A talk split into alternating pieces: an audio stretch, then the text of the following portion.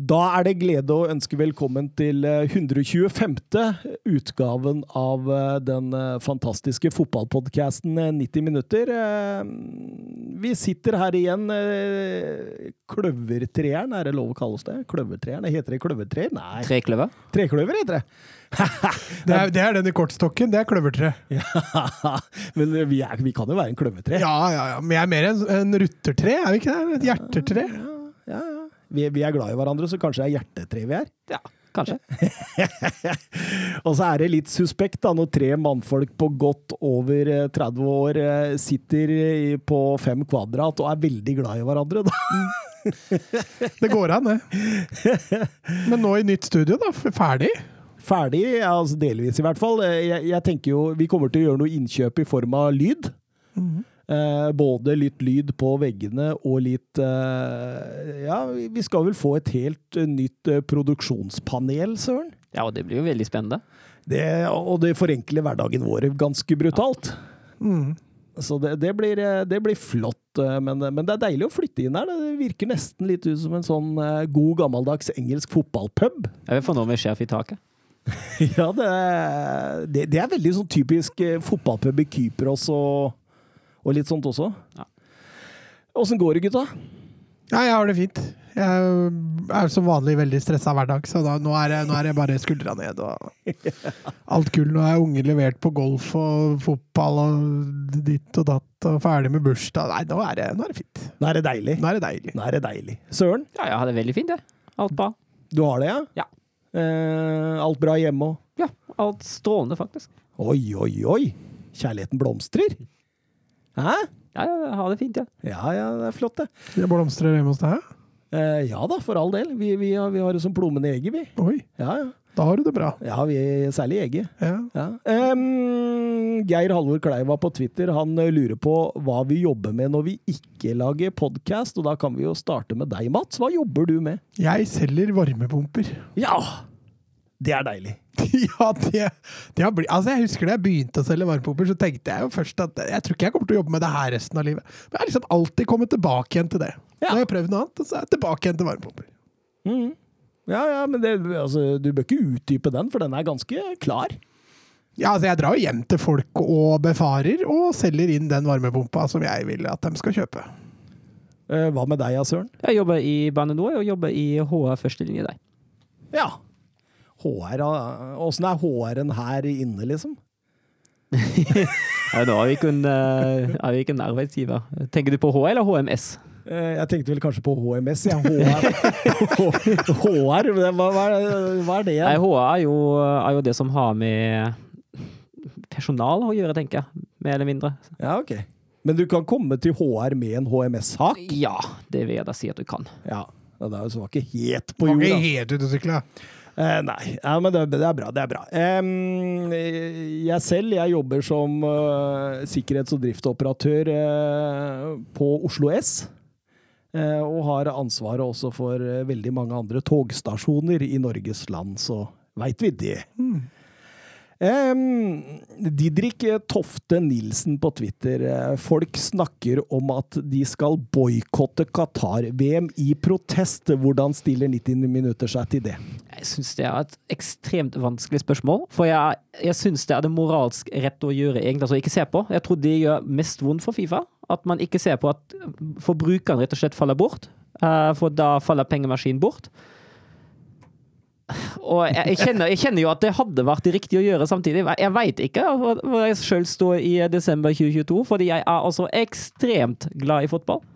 Og det, det, er, altså det eneste jeg faktisk har klart å, å boikotte, som jeg virkelig ville boikotte, var OL 2014, eh, den vinter-OL i eh, Russland. Du har faktisk boikotta? Jeg, jeg har ikke sett den. Jeg har ikke sett en, en eneste ting av den vinter-OL, fordi jeg var så misfornøyd med eh, menneskerettighetene i Russland. Da. Så den har Ja, jeg mannen med ryggrad. aktivt ikke sett på. men den klarte du å boikotte, men ikke Qatar? Er det Det handler om at, altså Hadde det vært eh, OL i Qatar, hadde jeg lett boikotta den. Det hadde jeg ikke noe problem. Ja, ikke sant? Det det, Men det handler, det handler om at det er fotball, og det er et ekstremt vanskelig spørsmål. For jeg er så ekstremt glad i fotball, og samtidig syns jeg at det er så ekstremt forferdelig at VM spilles der.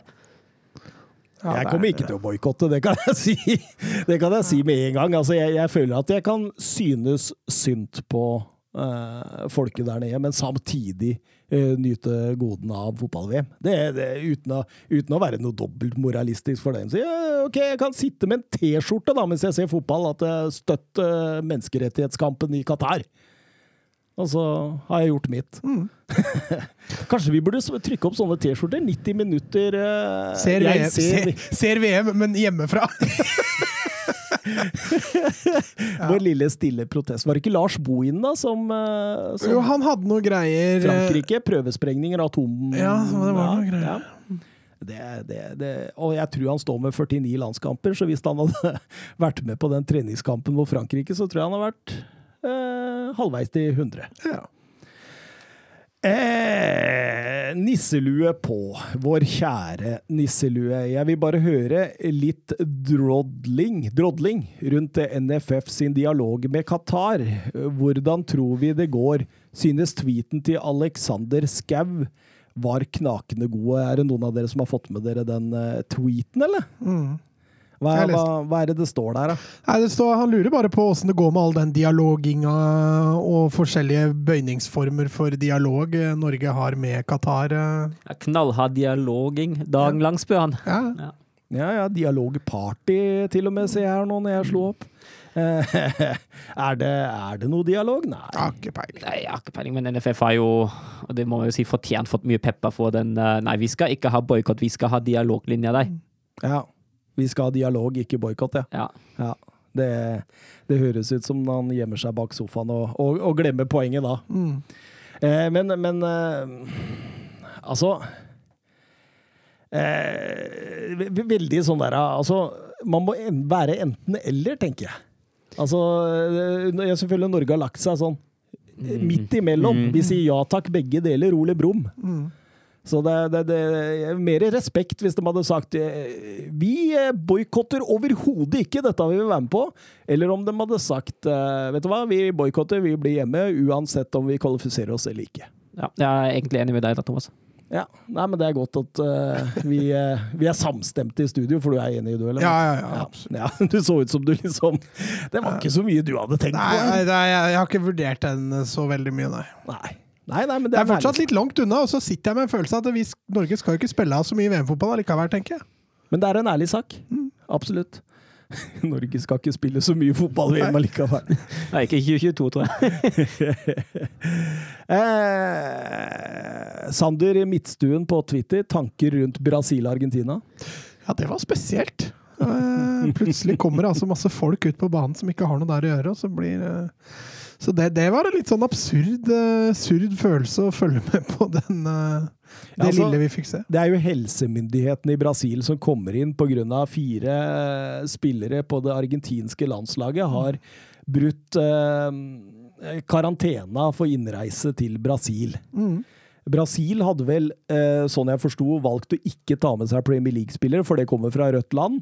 Og når de da så at Argentina hadde tatt med seg Premier League-spillere, i hvert fall de Premier League-spillere som eh, fikk lov å slippe, så, eh, så blei de litt mugne i eh, helse, helseavdelingen, om man kan kalle det det. Ja, og så må man jo, altså Med tanke på hvem som styrer det landet der, det er godeste Bolsonaro som eh, Ja. Altså, Det er jo spørs i hvilken grad dette var ekte bekymring, eller i hvilken grad dette var Altså, vi snakker om et land her som eh, nærmest fornekta Ja, korona. det er akkurat det. Det er akkurat det som er poenget mitt. Og vi snakker om et land her som eh, står klar til å ta over eh, Copa America med en gang eh, vertsnasjonen trekker seg pga. Det korona. var vel to vertsnasjoner som trakk seg. Ja, ja.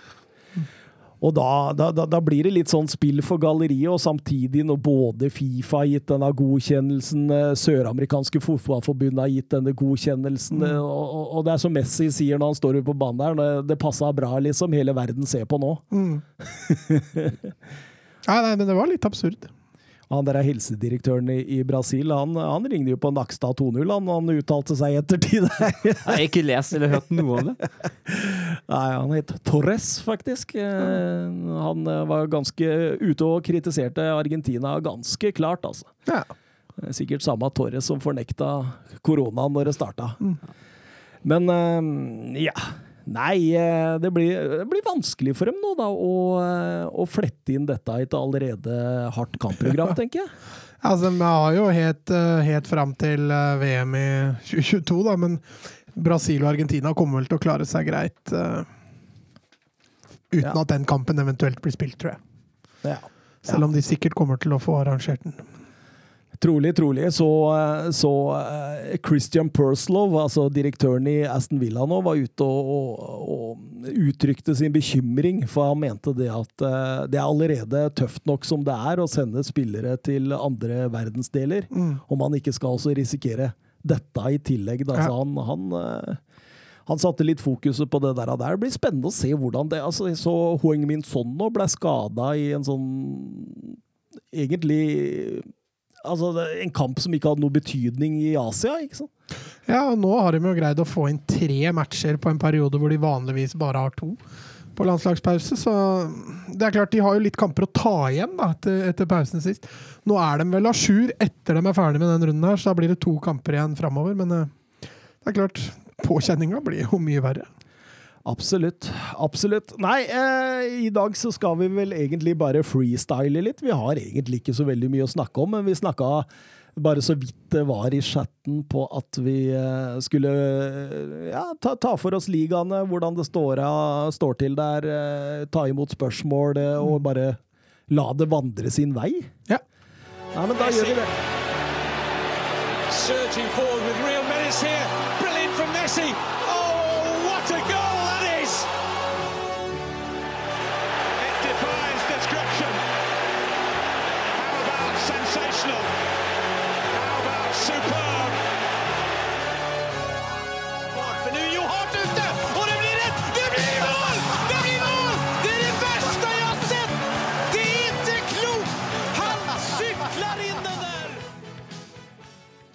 Ja, da var vi tilbake.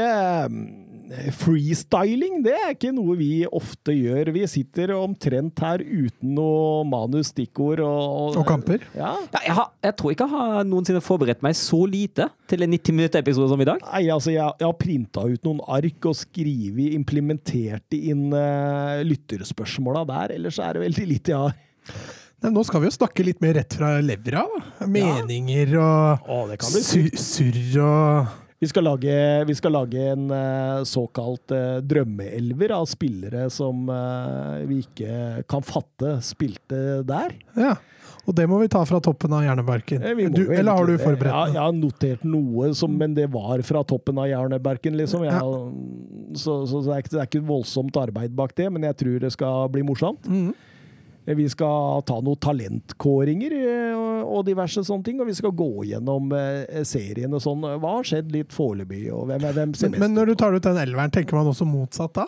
Ikke bare Sjopo mot ting i Bayern, men også eh, For han altså, Hvis du skjønner at det motsatte, at det Bentner i Rosenborg, liksom? Hvis du skjønner hva jeg mener? Ja, ok, sånn, ja, nei, nei jeg, jeg, jeg har egentlig tenkt uh, mot ting i PSG, liksom. Den, den. Ja, Så ikke, ikke Bentner i Rosenborg? Nei, nei, det, det, men Eller Pirlo i New York. Men, men, men, men, Ja, ja. Det, men det har jeg nok gjort fordi spørsmålet omhandla Luke de Jong i, i Barcelona. Ja. Ja, det var på en måte den som satte rammen før det. Eh, Den satt rammen. Eh, Men vi kan begynne å prate litt Premier League. eh, Det, det, det som først slår deg når du ser tabellen, da, det er at det er ett Nord-London-lag øverst og ett Nord-London-lag nederst på tabellen. Ja, det gleder vel deg. Jeg er veldig fornøyd. Det er jo et par andre London-lag i toppen der. Det er jo det. London er godt representert i toppen. Det, det, dem er det. Eh, Tottenham og Westham og Chelsea, eh, alle på topp fire foreløpig. Eh, Kun dette fæle Manchester United som har sniket seg inn. Mhm. Men i forhold til starten av Premier League og, og, og alt det som har vært eh, de tre første kampene der, eh, er det noen som liksom på en måte blinker seg ut som en favoritt hos dere allerede nå, eller er det litt tidlig? Jeg, syns det er litt tidlig. Altså, vi vi snakket jo litt før sesongen om at vi hadde Chelsea og City som de to favoritter, og så hadde vi vel eh, United og Liverpool på plassene bak for å kjempe om tredje og fjerde. Litt, litt bak de. og Altså, Nå gikk jo City på det tapet mot, uh, mot Tottenham, men jeg syns de har sett sterke ut i de to andre kampene. Uh, Chelsea har vært uh, bunnsolide og gode, de òg. Hvis jeg skal kåre en vinner, så, så syns jeg det er Chelsea. Ja, altså av de to, ja. Ja, ja. ja jeg lar alle. Men og jeg, Altså, altså det, er- det, det det laget som foreløpig har sett mest Ja, Ja, altså, det er jeg syns jeg har sett beingode ut. men jeg syns sånn- det, det er for tidlig å trekke konklusjoner. Jo, jo, selvfølgelig er det det, men, men hvis, vi skal, hvis vi skal oppsummere etter tre serierunder, da, selv om Chelsea ikke leder, så syns jeg de har kommet veldig godt i gang. Absolutt, det syns jeg òg. Jeg syns eh, det ser veldig solid ut. Eh, Det eneste som liksom rokker meg ved det laget akkurat nå, da, etter de fikk inn Lukaku, det er jo eh, hvem Altså eh, Foreløpig altså, nå- Nå er jo Tuchel strålende på å organisere forsvar, men han har liksom ikke den stjerna bak der. Han har ikke den Varan, han har ikke den eh, van Dijk. Eh, hvis dere skjønner hvor jeg skal? Ja, jeg skjønner, jeg skjønner hvor du skal, men altså, jeg tenker Altså, jeg tenker det kollektive forsvaret. Det fungerer jo kjempebra. Eh, og så har du jo spillere som uh, først og fremst Kristen, som har tatt eh, ekstreme steg. Er helt enig. Helt enig. og Så har du Aspilicueta, og Ja. han spiller i tre. Han er en leder Ja. bak der, han òg, syns jeg. Og, og jeg syns jo også Rudiger ser veldig solid ut om dagen, altså. Men det er, det er jo ingen hemmelighet at uh, Tuchel ville ha Huls Condé, og, og, og det er noe av grunnen til at Kurt Soma blei sendt av gårde. Mm. Da, eh, Jeg tror det var et lite slag for dem at ikke Huls Condé kom, uh, kom inn. Og jeg leste også at Lopetegi snakka om at eh, det var egentlig opp til Huls det sjøl, så eh, antyda nesten at han hadde sagt nei. Men det høres jo veldig rart ut i forhold til rapportene, da. Det høres veldig merkelig ut. Altså, han kunne jo eh, kunne sikkert tjent eh, betydelig mye mer i Chelsea, komme i et lag som var blant de absolutte favoritter til å, til å vinne Champions League. Komme nest, mest sannsynligvis til å spille ganske så fast i det laget i tillegg. Så Ja, så tror jeg Sevilla var ganske forberedt på slutten på at han kom til å gå. For han, han var jo ikke med i siste seriekampen for, for Sevilla heller, så jeg veit ikke. Det hadde vært fint å vært flue på veggen der og visst nøyaktig hva som var grunnen til at ikke den overgangen ble noe av. Han hadde jo også en utkjøpsklausul som det ville vært mulig å, Ja, og å løse ut, selv om det selvfølgelig er fryktelig mye penger. Så hvis Chelsea ville virkelig hatt han, så hadde de kunnet fått den. Mm. Og han ville selvfølgelig. da. Ja, absolutt. Eh, Det blei jo veldig kaldt etter hvert, dette med Fordi Tottenham var jo lenge i førersetet der, og, og Sevilla ville jo ha eh, Davidson Sanchez. I motsetning, den ville ikke ha Kurt Zuma, og det var der det sto på en måte i forhold til den dealen. Mm.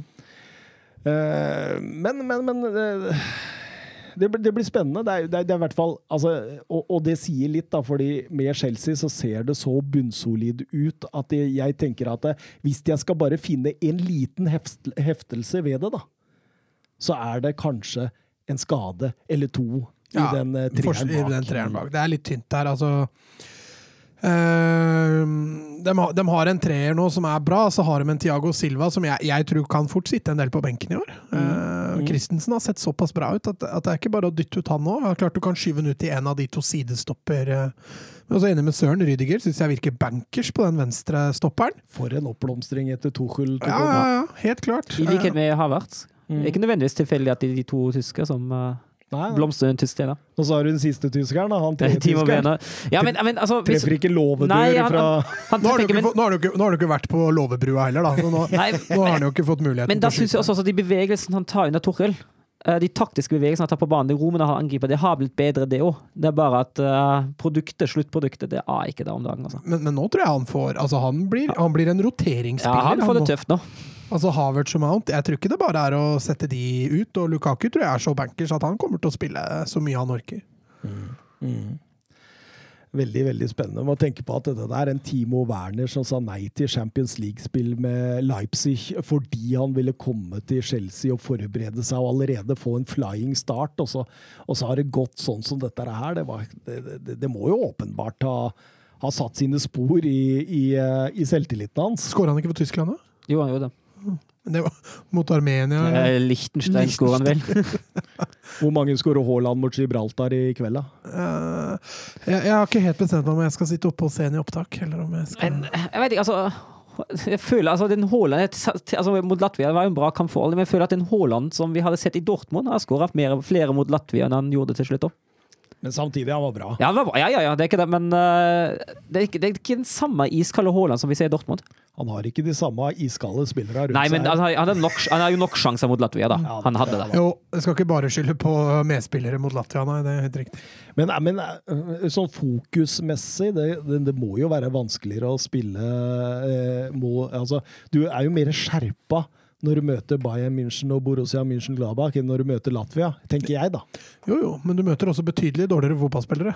Ja, Eh, Så det går kan- opp i opp. Ja, det burde jo nesten gjort det, men det er klart eh, Medspillerne dine også, som du nevner, er jo ikke Og, og relasjonene er jo nødvendigvis ikke til stede i det hele tatt. Så det, det, det er klart det er vanskelig noen ganger å forklare den Du har jo spillere som er ekstremt gode på landslaget. Og som er gode der. Steven Sober.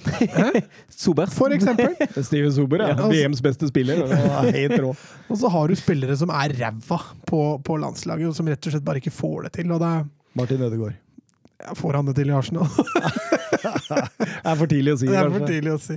Nei, eh, nei jeg heter helt. Ødegaard syns jeg det var Det er, det er VM i støttepasninger og sideveis, altså. Det har blitt sånn. Det har blitt sånn. Ja. altså. Det er så slitsomt, for han, har jo åpenbart ferdigheter til å kunne gå av folk og, og utfordre. Det blir støttepasninger, altså. Men over til Premier League, da. Westham har jo virkelig fått fyrere fra starten av denne gangen. Ja, Westham ser jo altså, hvis, du, hvis du sammenligner, altså, Vi snakker litt Tottenham, og Tottenham ser jo først og fremst gode ut uh, defensivt. Det er litt sånn solide. Ja, veldig solide. Altså, Og så har du matchvinnere framover. Eh, jeg føler altså Liten avsporing, men jeg syns Spurs ser egentlig nå sånn ut som de burde ha sett ut under Mourinho. Ja, ja. Fordi nå, nå står man solid bakover. Nå føler man at en 1-0 det er antrykkelig på Tottenham nå. Fordi du føler jo, altså, som vi sa, snakket om i Watford-kamp, du føler ikke at det skjer noe der. Og samtidig tar man de kontringene helhjerta. Med hele laget. De to Eller, de smale treerblokkene der Ja. har vist seg vanskelig å trenge gjennom. Men, eh, men, men i motsetning til Spurs, da, så er jo Westham det har jo blitt fullstendig koko i begge retninger. Det er et stikk motsatt. Det har vært litt eh, mer underholdning, hvis vi kan si det på den måten. Ja, da, altså På tre kamper har de skåret ti og sluppet inn fem. De har også toppskåreren i Premier League så langt, eh, Michael Antonio. Oi, hvem er det som har han på, ja, på manager, Søren? Det har, jeg, det har jeg. Ja, har du fått den inn nå, da? Nei, jeg hadde den fra start. Jeg Nei, det hadde du ikke. Jo, men jeg har ikke cappa den, sånn som du gjorde. Det var det Søren lo av den Ja, gangen ok, vi bygde Nei, men, kult. men Antonio han står altså med tre assist og fire mål på tre kamper. Mm. Det er voldsomt. Eh, og og, og, det, det Westham-laget også, hvordan de liksom på en måte Altså, De kjører på med alt de har. Det er tut og kjør framover i banen. Bowen kommer, Fornals kommer, eh, Ben Rama. Eh, veldig morsomme kamper å se på, altså. Ja, ja, ja. Helt klart. Eh, så, så Liverpool henger jo med, City henger med, men eh, er det et lag som ikke henger med, da, så er det jo selvfølgelig vår stakkars nabo i Nord-London, altså Woolwich, eh, eller Arsenal, om du vil. Ja, det, det, ser, det, ser jo, det ser jo katastrofe ut. Det er Ja. jo, ja. Altså hva, hva var det de hadde nå? De hadde vel eh, Ja, Nå begynner det å bli kraftige rykter inn på nye trenere. Altså. Ja, jeg hadde vel 15 gode minutter etter pausen mot, brukbare minutter etter pausen mot Brentford, og så var det, var det en god, fem, god første ti mot Chelsea. Og første gode fem, hvis vi vil være snille, mot City. En god halvtime, det. Ja, God halvtime til sammen. Ja. Ja. Og det, det, det ser forferdelig Det ser ut som spillere på en måte har gitt litt opp med en gang det kommer litt motgang der, og en, en, en trener som ikke klarer å på en måte altså, Det virker ikke som han har evne til å snu dette. Nei. Nei, jeg er eh, Jeg må nok snart krype til korset og innrømme at dette Arteta-prosjektet, det, det, det har ingen lykkelig slutt, tror jeg. Um, nå har de vel Norwich i neste kamp, så han har jo tidenes mulighet nå, Arteta, Og der blir det tre poeng. Ja, det er lett å melde. Ja, men det, det, det, det tror jeg nok. Altså, De møter et av de laga som fortsatt også har til gode å, å ta poeng i år, da. Du, vil, du vil gjerne ha Teta fortsatt sittende når de møter Tottenham, du? Det hadde vært veldig ålreit.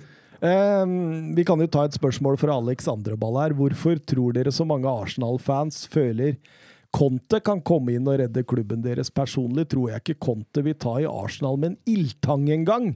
Tanker om mulig Arteta-erstatter før jul? Før jul? Jeg tror vi kan snakke før uh, høstferiene. Ja, for det er ikke mye, mange feilskjær til som, som må skal Fikk han ikke fem kamper, da? Hvor- Var du på det styremøtet? Nei, men bare, det er det det Riktig rapporteres går. om, at han har fått fem kamper på å snu, snu kjerringa. Oi. Ja, um, det kan, kan jo være, da. Eh, fem kamper. Er det, er det før de møter Tottenham nå, eller? Det er Norwich, hvis vi ikke bare tar seriekamper. Norwich, Burnley, Spurs, Brighton og Palace. De neste fem. Oi, det er bare Spurs der som er eh, Ja, altså Palace Ja, ja, Palace, altså, det er jo ingen enkle kamper, men- altså. Men da, ja, det er jo fine kamper å ha muligheten til å snu det. da. Altså Slå Norwich nå, kanskje få en god match mot Tottenham, og det skulle, så, så vekkes det jo litt entusiasme til liv igjen med en gang. Um, så får vi se. Når det gjelder ny trener inn ja, Konta det må, må jo ha vært en drøm for Arsenal. Men det skjer jo ikke.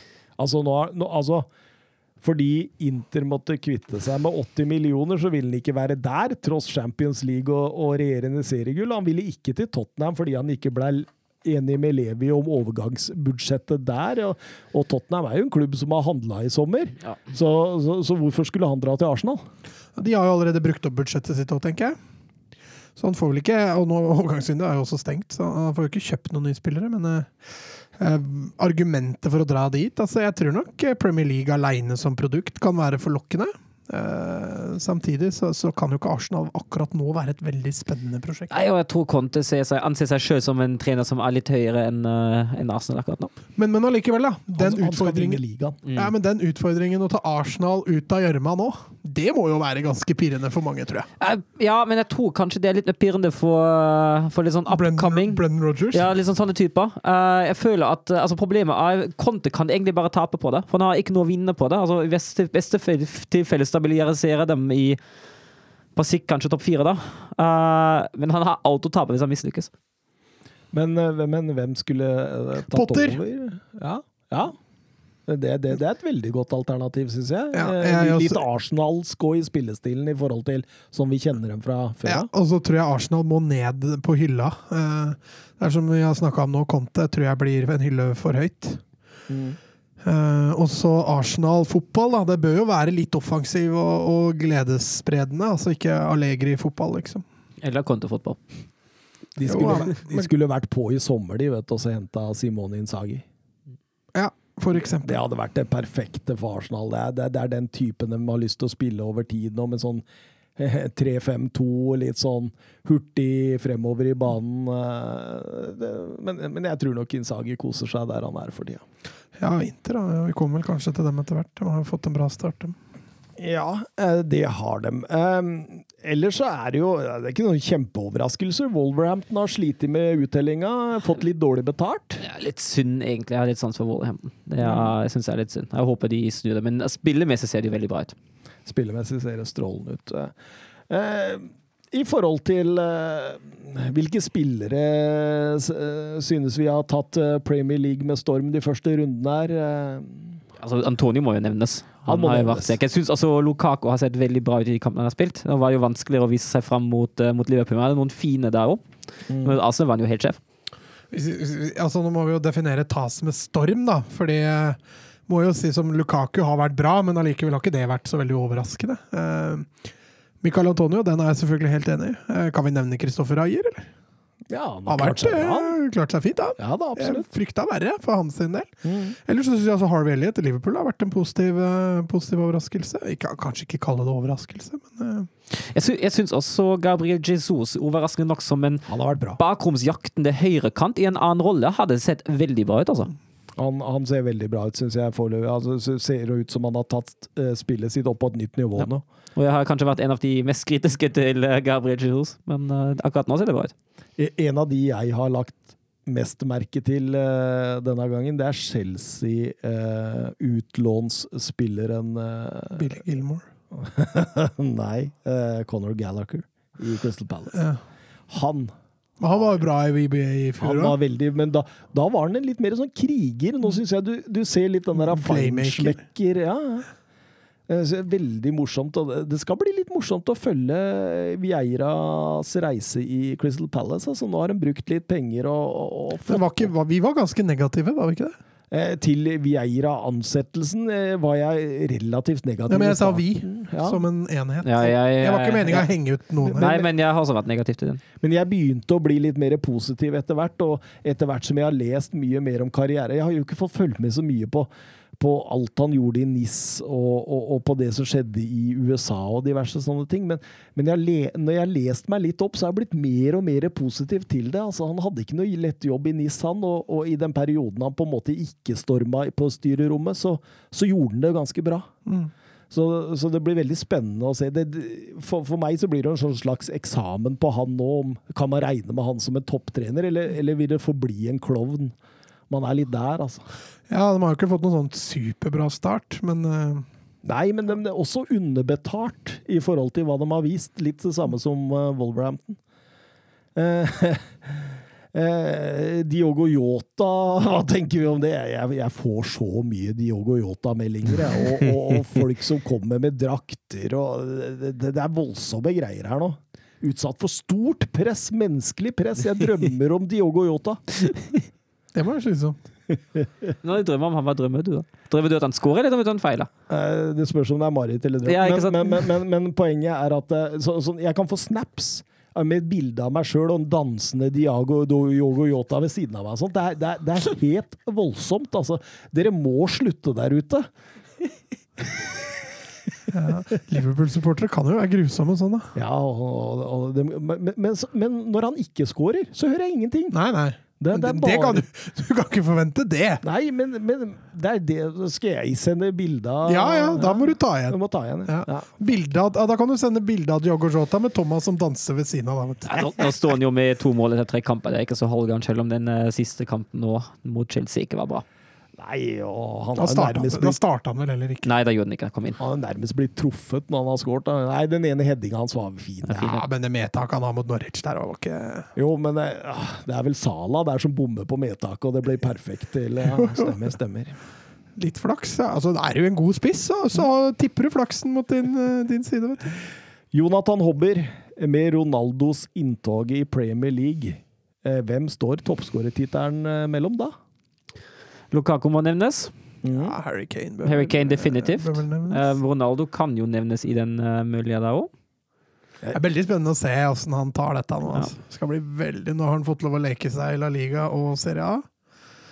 Han er, blir vel 37 nå i februar, eh, så han blir jo ikke yngre. Så det skal bli veldig spennende å se. Altså, han har jo en enorm fysikk, da. Eh, og han har vært, ikke vært veldig skadeplaga heller, så det skal bli eh, ja, altså, Se jo det der restitusjonsregimet til Ronaldo, det er jo helt ekstremt. Så at han tar vare på kroppen sin, det, det kan jo ikke være noe særlig tvil om. Og så må vi vel nevne Mohammed Salah. Det må vi nevne. Ja. Ja. Altså, Men- men, blir, altså, når jeg er tilbake til Ronaldo, det blir spennende å se hvilken rolle han får. Skal han inn og spille nier, eller skal han ut og spille kant? Nei, jeg tipper han skal spille nia. Jeg mistenker det. Ja, men, men, men åssen går det med dette presspillet til United da nå? For altså, Rashford er jo ikke voldsom i presset, og, og, og bak der så er det en Pogba som ikke er voldsom i presset, og skal Ronaldo inn der. Og, og hvis Martial spiller, han er jo ikke bra i presspillet. Ja, nå er det jo snart ikke plass til flere på denne framre. Nei, men, men poenget mitt er at det er, det, det er veldig lite gode presspillere der. Og, altså, det er årsaken til jeg tror at City ikke jaga han hardere enn det de gjorde.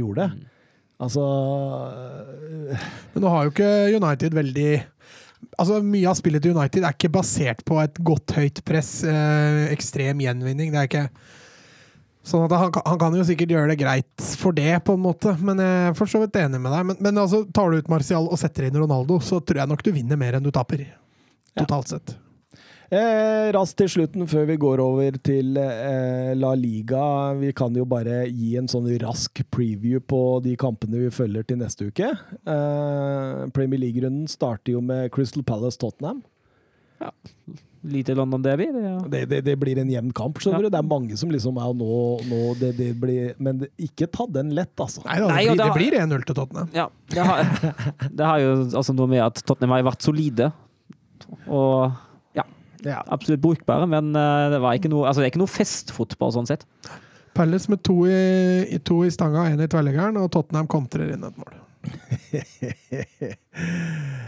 De sliter litt, da. Tottenham med dette med sørafrikanske mm, VM-kvaliken. Eh, Davidson Sanchez er nok ikke tilbake eh, pga. De har- de karantenegreier. har Lo Tanganga. Er ute. Godeste Christian Romero er ute. Så, og og Hengmin Son bare- muligens tilbake skada. Det er vel bare Ja, ja, hvis sånn er ute, så er det greit. Men det er vel bare Sanchez som har spilt sånn Ja. Altså, Lo Celso og, og Romero har vel ikke, har vel ikke starta noen kamper. Ja, jeg syns Sanchez har faktisk også sett bra ut. Hvis vi først er inne på spillere som har sett bra ut så langt i sesongen. Jeg syns Sanchez har tatt stek i sommer. Altså. Kanskje Nuno endelig har fått orden på den, for råmaterialet til Davison Sanchez har jo alltid vært strålende. Eh, videre så spiller Manchester United hjemme mot Newcastle. Eh, Ronaldos debut. Jeg hører billetter gå på svartebørsen for, eh, på, på nivå med en eh, alminnelig årslønn her i Norge. Det er, det, er, det er voldsomme summer som betales for at CR7 er tilbake på Old Trafford. Åssen går det i debuten? Nei, det, jeg tror nok det blir en United-seier, i hvert fall. Eh, altså, Ronaldo, om han starter eller ikke, det er det som er Han skårer på straffe. Billig straffe etter vei. Ja, men må Bruno, Bruno Bruno, gi fra seg straffa? Nei, jeg tror Bruno må Altså Når Cavani må gi fra seg sjueren, tror jeg at eh, Bruno må gi fra seg straffene. Og det er litt morsomt, for da er det ingen som snakker om denne statistikken etter hvert. For da faller jo det målstatistikken og poengstatistikken med 70-75 Fordi altså, Jeg sitter nå og vurderer hva jeg skal gjøre med Bruno Fernandes på fantasy-laget mitt. altså. Bytte den ut med Ronaldo, du. Ja, Bytte den ut med Ja, jeg vurderer faktisk det. Men det blir grei United-seier her. Ja, Ja. jeg tror det. Eh, Arsenal-Norwich. Oh. Bunnduell. Bunnduell, ja. Men altså, jeg holder en knapp på Arsenal der. Selvfølgelig gjør man det. Holder en knapp på Arsenal. Da har vi synket lavt som Ja, ja, men, Nei, eh, jeg tror Arsenal er favoritter. Altså. Det er en Ja. knapp der! Ja, det er en knapp på Arsenal. Nei, altså, bør ta den greit. Helt enig. Eh, Arsenal, og jeg, jeg forventer egentlig det. Eh, Leicester-Manchester City, den er tøff. Den kan jo bli morsom. Vi har jo hatt noen eksempler på de kampene der, der Leicester har utnytta bakrom til City så til de grader. Så den, den kan, eh, kan selvfølgelig gå begge veier, selv om eh, Hvis City klarer å spille som de siste to kamper, så vinner City den. Mm. Mm. Så spørs det om eh, Brennan Rogers eh, har et ess i ermet som han hadde i Skjæret til Kiel-kampen, Mats. Ja, den bikka jo både ja, skjæret til Kiel, men den vant vel også på Etiad i, i fjor. Så, så han har et lite grep om, om Guardiola, denne Rogers. Så, så den, den kampen der er vrien å tippe, altså. Um, jeg tror jeg skal gå for en U. Ja. Nå har jo Leicester ikke vært veldig superoverbevisende så langt i år, men uh, ja, nei. Det er vanskelig å si. altså Den, er- den er veldig åpen. Eh, Chelsea-Aston Villa neste. Ja, den, den er grei. Er grei H. Grei H. Holder en knapp jeg på Chelsea. Og Leeds-Liverpool, en gammel klassiker. eh, Ja. Leeds har krongla litt i, i åpninga. Um, får vi se. Vi som dytter Claesson i mål, så bør vi i hvert fall holde nullen, da. Nei, jeg tror Liverpool eh, tar det ganske greit. Tror jeg òg. Mye nordmenn i Premier League nå. Mathias Nordmann òg, klar for Norwich. Det er veldig moro. Ikke mye nordmenn, det er å ta veldig i, men eh, det er litt flere enn normalt, i hvert fall. Artig, artig. Vi går over til eh, La Liga. Vi kan snakke litt om det. Real Madrid eh, troner på topp der med Sevilla, Valencia og Barcelona på de neste plassene. Ja, der er det spenning i toppen, i hvert fall.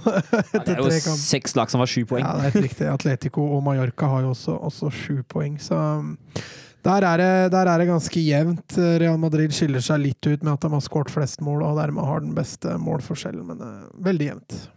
Men, men samtidig så Altså, jeg synes lampene blinker for Atletico Madrid for tida, altså. Mm, ja. Ja, og det de viste mot Villarreal, nå var vi innom den kampen sist, altså, altså, da viste de jo at de også kan spille ball, men da, da gikk de, jo- fikk de jo bare ett poeng. Men jeg er helt enig med deg. Når Grismann inn der, det, det var klassesignering for Atletico. Ass. De har gjort det, har gjort det knallbra igjen. Altså. Med ganske begrensa midler, som de egentlig har. Ja, det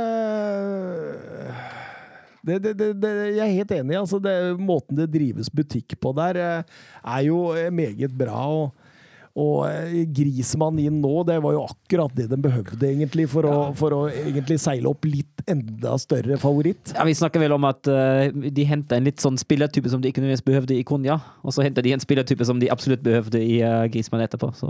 Ja, altså de, de har jo denne Han har jo likt å spille med én uh, defensiv spiss og en bakromsspiss. så Mm. Suárez skiller seg selvfølgelig ut som, som den bakromsspissen. Uh, også Angel Korea, da, som har starta veldig bra i år, uh, skal jo da Conny antageligvis kjempe mot. Og så skal nok uh, Grismann inn og konkurrere mot Suárez, tenker jeg. Men, eh, men en Twitter her, Mats, eh, fra van Dahl. Barcelona ga 120 for Grismann. Atletico Madrid brukte de på Felix og fikk Suárez gratis og vant La Liga.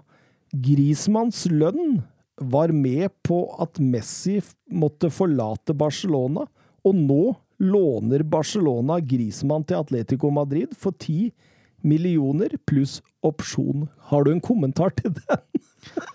Ja, altså det, Dette har skjedd over tid, da. Det må jo nevnes. Altså, det er jo tre år siden Barca kjøpte Griezmann, og det er ett år siden Suárez gikk dit gratis. Så, det heldig, alt dette har skjedd heldigvis ikke i samme overgangsvindu. Eh, men eh, ja, det er jo en måte å drive klubbdrift på det der òg. Kan, kan jeg la det være med det? Men, men, men, men Og den opsjonen, altså etter hva jeg har skjønt, da, så er det jo tvungen opsjon her, og de skal betale 40. Ja, Hvis en spiller halvparten av kampene. Ja, Ja. ja.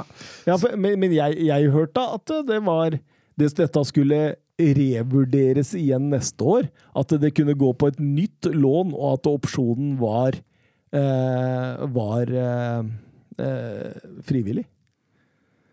Ja, det er ikke det jeg har Det var det Nei, jeg- siste jeg leste. jeg har og det var lest- også det de rapporterte om i eh, The Spanish Podcast med han Sinnelow.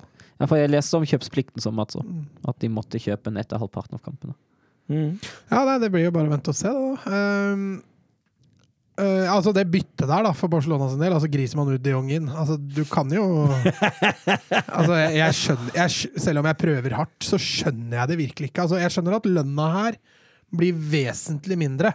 Ja. Den ser jeg for Sevilla er jo med og betaler deler av lønna til de Jong. Eh, Så her har jo Barca tjent mye lønn, for å si det på den måten. Når det gjelder det med Messi, altså der er det mange faktorer inne. Så, altså, å pinne den på Grismann, det blir, det blir Nei, men samtidig, han har et poeng i denne tweeten, da. Jo, jo, ja, men, jeg, Det, det, det, er jo veldig morsomt. Vi må jo se underholdningsverdien i akkurat det der. Nei, jeg sliter med å se noe underholdningsverdi. Ja, det er jo galgenhumor, den ser jeg. Men Ja. Eh, For altså- oss utenforstående, altså, som Ja, ikke har noen følelse for Barcelona, så blir det humor. Fryktelig dust ut. Det er jeg helt enig. Altså, øh, nå gir de jo altså, Atletico Madrid ligagullet igjen, tenker jeg. Altså, Med, altså, greia der, da, Griezmann forsvant jo nå. Han var jo den med høyest lønn. Eh, og så forsvant Pjanic. Han var jo en av de også med høyest lønn. Og nå spiller da Messi fotball i PSG. Mm. Det var det jeg var innom, at eh, man kunne jo venta litt med den Messi-signeringa og sett hvordan det gikk, da. ja. Anders, Anders Hansen på Twitter, eh, Søren sin gode venn. Eh, nesten et litt sånn kjærlighetsforhold der. Eh, han legger med en liste over fronttrioen til Barcelona opp gjennom åra. Eh, la meg få lese den. Messi er to Ronaldinho. Messi er to Ari. Messi Ari Ibrahimovic. Messi via Pedro. Messi Suárez Neymar. Messi Suárez Coutinho. Messi Suárez Grismann Og nå Braithwaite de Jong Depay. Ja, Depay trekker jo opp da, heldigvis. Ja, heldigvis. Men eh, de to andre der, ja, det, det høres ut som kanskje eh, Crystal Palace. Ja, for det er det de gjør, Mm. ikke sant? Eller Sevilla. Ja, ja. Kunne Ja, vært altså- Sevilla. Altså, jeg, du, du blir Altså, de rekkene man leste oppover her, da, det er noen av de frekkeste, om jeg får lov å kalle det det, rekkene i europeisk eh, fotball de siste 10-20-30 åra. Og så kommer man med Braithwaite, Luke de Jong Altså Depay, da, som du sier, som trekker opp. Selvfølgelig gjør Men, det. men det, den er jo satt på spissen, da. Eh, det der er jo ikke første trioen til Barcelona. Eh, det blir jo Ansu Fati, Dembélé og, og Depay. Men, men du skal ikke se bort ifra at du ser akkurat den rekka på banen. Nei, at den konstellasjonen Å, ja blir å dukke opp, det, det kan godt hende. Oftere enn Dembélé, i hvert fall. Ja, nå, nå jobber de faktisk med å signere en ny avtale der, så kan hende. Ansu Fati er jo tilbake i trening, så jeg, jeg håper jo at vi får se en annen konstellasjon enn den mye oftere enn vi får se akkurat den konstellasjonen, for det er, det er ikke mye sexy, altså.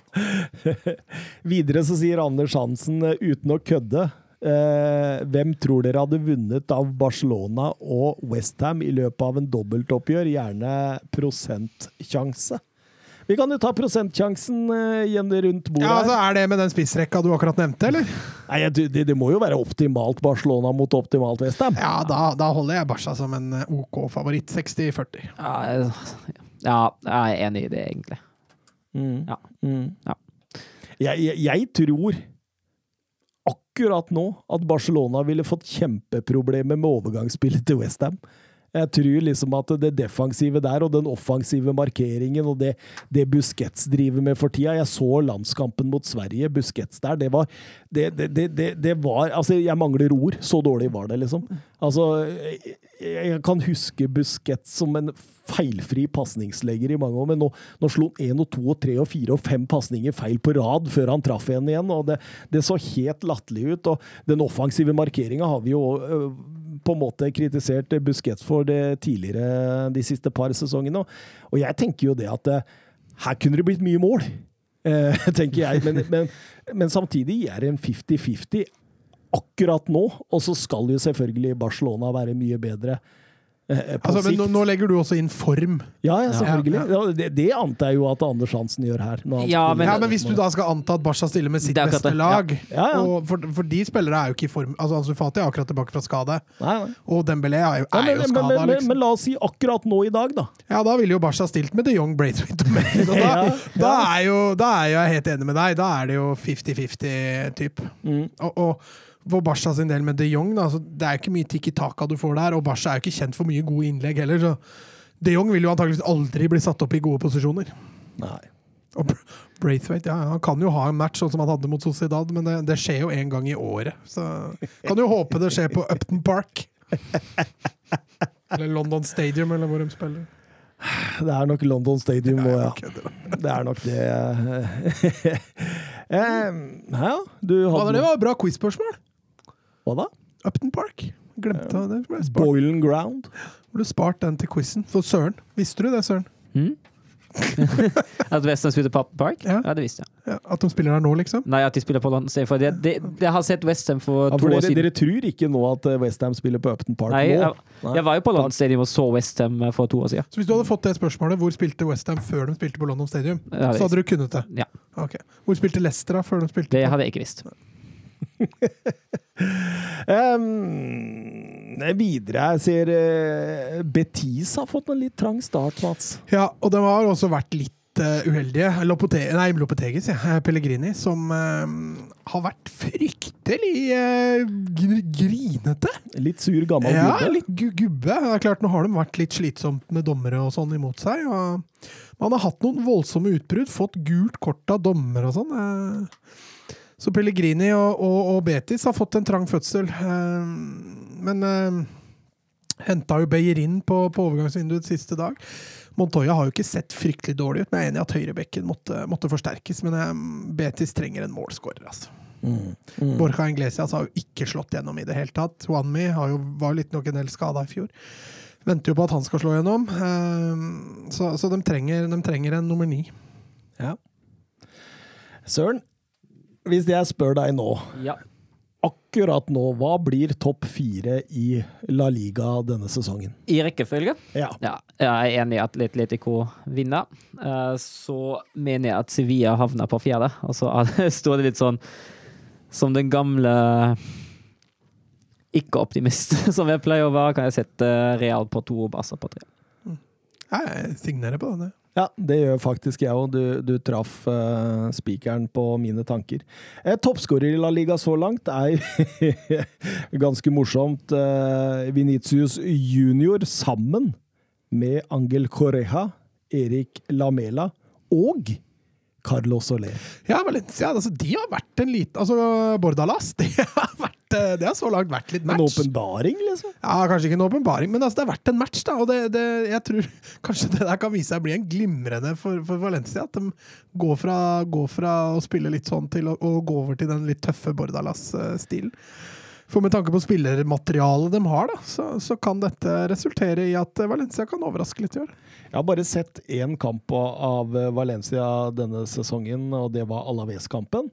Og, og det jeg la merke til, det er at Bordalas gir eh, Carlos Soler mye mer frihet Ja, ja. på midtbanen, og mye mer Altså, han får lov å komme i boks. Og det eh, kan være en faktor som eh, spiller godt inn her for eh, Valencia. Helt klart. Jeg, eh, nei, jeg står ved det jeg akkurat sa. Jeg tror Valencia kan være en liten altså, overraskelse i form av at jeg tror fortsatt Valencia hadde havna rundt tiendeplassen. Mm. Men nå er det jo sånn at jeg tror de kan være med å kjempe om Europa League. Mm. Hvis jeg hadde sagt til deg, Søren, at eh, etter tre serierunder i La Liga, så skal Erik Lamela og Venitius Junior være med på topp toppskårertittelen. Ja, da hadde jeg lett. Du hadde lett godt. Da hadde jeg lett godt. Ja. Ja. Eh, Venitius Junior er som eh, Dere drev og snakka om at han eh, jeg, jeg hva, hva var dette for noe? Var det, var, var det en, eh, rett og slett en eh, god gammeldags eh, breakdown fra deres side? eller? Nei, jeg, jeg, altså, dere altså ut ifra de tre kampene jeg har sett nå denne sesongen, uh, syns jeg man kan begynne å se en utvikling. Uh, vi får jo se om det, om det bare var de tre kampene, eller om det vedvarer. Og jeg sier jo ikke at alt er bra, men jeg syns han, han har begynt å ta litt bedre valg. Jeg syns det begynner å se litt bedre ut, altså. At det er Ancelotti som skal få han eh, på hesten, er det Ja. det dere sier? Kanskje altså, altså blir han jo, jo eldre òg, og han kan jo modne.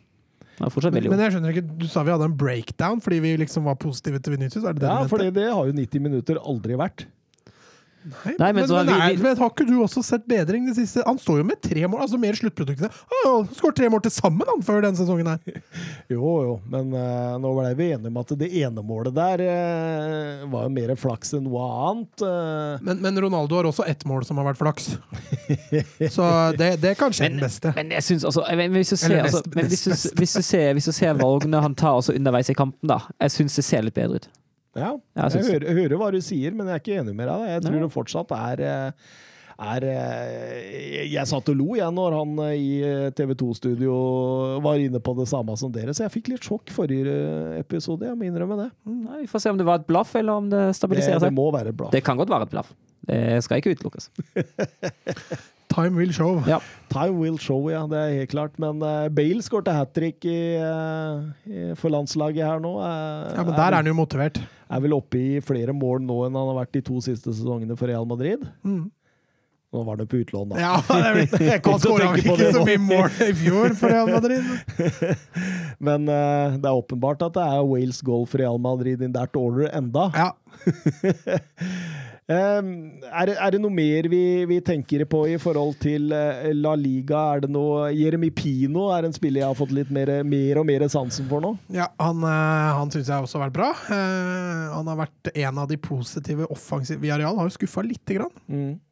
Uh, han syns jeg har vært en av de positive. Har vel også, ligger vel også på toppen når det gjelder antall assist. Jeg tror han har to assist eller noe.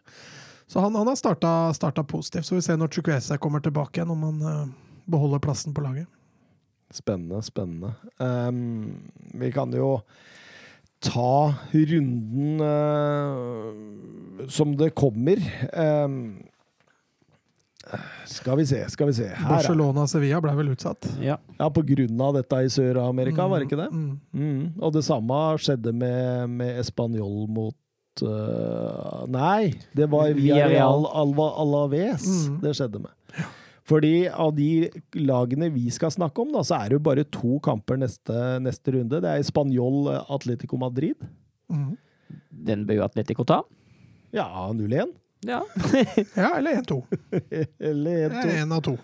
Og Real Madrid hjemme mot Celta Vigo. Ja, de skal jo åpne nye Bernabeu. eh, Endelig skal de få fulgt hjem oi, igjen. Så der, eh, og etter hva jeg skjønte, så var det vel åpna for at 30 000 kunne komme inn. Og da, da blir det vel god stemning på Bernabeu, og det er en kamp Real Madrid bør vinne 11 av 10 ganger. Eh, ser forresten her at Jørgen B. Reddy har også stilt et spørsmål angående La Liga, basert på de tre første rundene i La Liga. Topp seks vil han ha da nå. Vi Har sagt topp fire, så da kan vi jo fortsette med eh, fem og seks. Altså, jeg tror faktisk at jeg skal ha inn Valencia der. Også, Oi, oi, oi! Ja, sjetteplass. Oi, oi, oi. Og så Villarreal på femte. Jeg tror de kommer etter hvert. De har for bra lag og, og, til å surre. Og Unai Emery er jo verdensmester i fjerde- og femteplasser. Nei, Jeg bytta ut Valencia med Sociedad. Ja. Jeg vil ha At- Atletic inn, jeg. Ja, de har sett. Ja, for jeg syns det der, der ser veldig bra ut av Marcelino. Han er, han, er en lur, lur rev. Men eh, plassene bak den eh, topp fire blir jevn, da. Ja. Mallorca har faktisk også sett bra ut, eh, så du skal ikke kimse av dem heller. Eh, men jeg tror Mallorca etter hvert detter. Det, jeg tror nok vi er inne på de tre, i hvert fall kanskje fire, da, som kommer til å kjempe om de plassene. I Sociedad, Bilbao og Villarreal og ja, Valencia er kanskje et lite Du tar ikke med Betis der, eller? Jeg syns de har skuffa litt i åpninga. Ja. Eh, Det har vært eh, Altså, det, du, vinner, du, du klatrer ikke veldig mange plasser når du skårer ett mål per kamp. Nei. Og du stort sett slipper inn også, mener jeg. Hadde det vært Tottenham, Tottenham, så hadde det jo gått, selvfølgelig. Men Vi går over til det gråse Bundesliga. Sehr godt. Ja, ja, ja. Og der, eh, der troner eh, Sørens eh, Wolfsburg øverst, Mats. ja, han fikk jo oppleve dette faktisk i to uker da. Ja, det er så deilig. Han bare kosa seg, Han. Ja, jeg vet hva. Våkna hver måned og ser på tabellen. Og det er jo store sjanser at dere beholder det nå, for dere vet vel dette Fint. Takk, takk, for, Den takk for jinxen. der jinxa vi den, det er bra. Takk for jinxen. Nei, altså, vet du hva, jeg tenkte litt på den, at nå går jo ting bra. Altså, nå møter jo, nå på lørdag er det jo både Wolfsburg og LSK som skal i aksjon. Wolfsburg skal jo til, som du sier, Greuta Fürth, og LSK skal jo ha hjemmekamp mot eh, Brann. Og skal jeg love deg minst Minst, kanskje til og med begge, minst én av de to går på en smell der. Kan ikke gå at begge to går. Jo da. Nei, jo, får altså, det, bør jo, det bør jo det, men eh, ja. Altså, Greater Furt da, at den ligger på 16.-plass. De har eh, minus sju i målforskjell og har kun ett poeng på de tre Ja, altså- første kampene. Altså, hadde de aldri i, uh, i sin tilstedeværelse i Bundesliga, hvilken første gang de var oppe, og nå vunnet en hjemmekamp? Nei. Så det, det, det sier jo litt, da, at det her skal Hva sa du for noe? De har aldri vunnet en hjemmekamp? De har aldri vunnet en hjemmekamp i Bundesliga. Hvor, På, mange sesonger er det? med Ja, det er noen andre sesong de spiller Bundesliga, så jeg har 18 hjemmekamper så langt. Ja, Men de har aldri vunnet Er på sjokkert? hjemmebane. Det er jo en drøy, det er en drøy stund. Når var sist de var oppe? Uh, var det ikke, jeg tror det var 12-13 sesong. 11-12 eller 12-13. Jeg tror 12-13.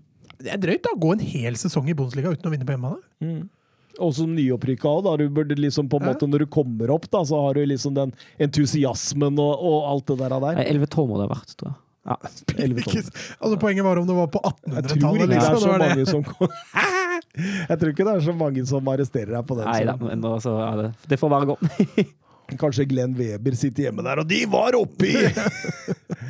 um, men, men ellers, eh, vi må jo snakke litt eh, Bayern München. Vi har vel alle vært enige her i dette studioet om at eh, dette kommer til å være en parademarsj. Ja, de kommer til å vinne. De kommer jo til å vinne. Altså, hadde den Altså, jeg syns de har hatt en fin økning, en fin, ja, ja, fin jeg, er- stigning. jeg er helt enig, for du, den første kampen mot, uh, mot Mönchengladbach den var litt svak. Det var det fortjent med uavgjort, syns jeg. Eh, Så hadde du Köln da Den kom seg litt opp etter hvert, eh, men litt, litt uvante svakheter å få to i sekken etter å lede 2-0 på hjemmebane mot Köln. Eh, Det er veldig ubøya munchensk. Og den mot Hertha var jo maktig. Ja, jeg tenker også på supercupen. Ja, den, den var jo sterk, den òg. Den var jo veldig bra.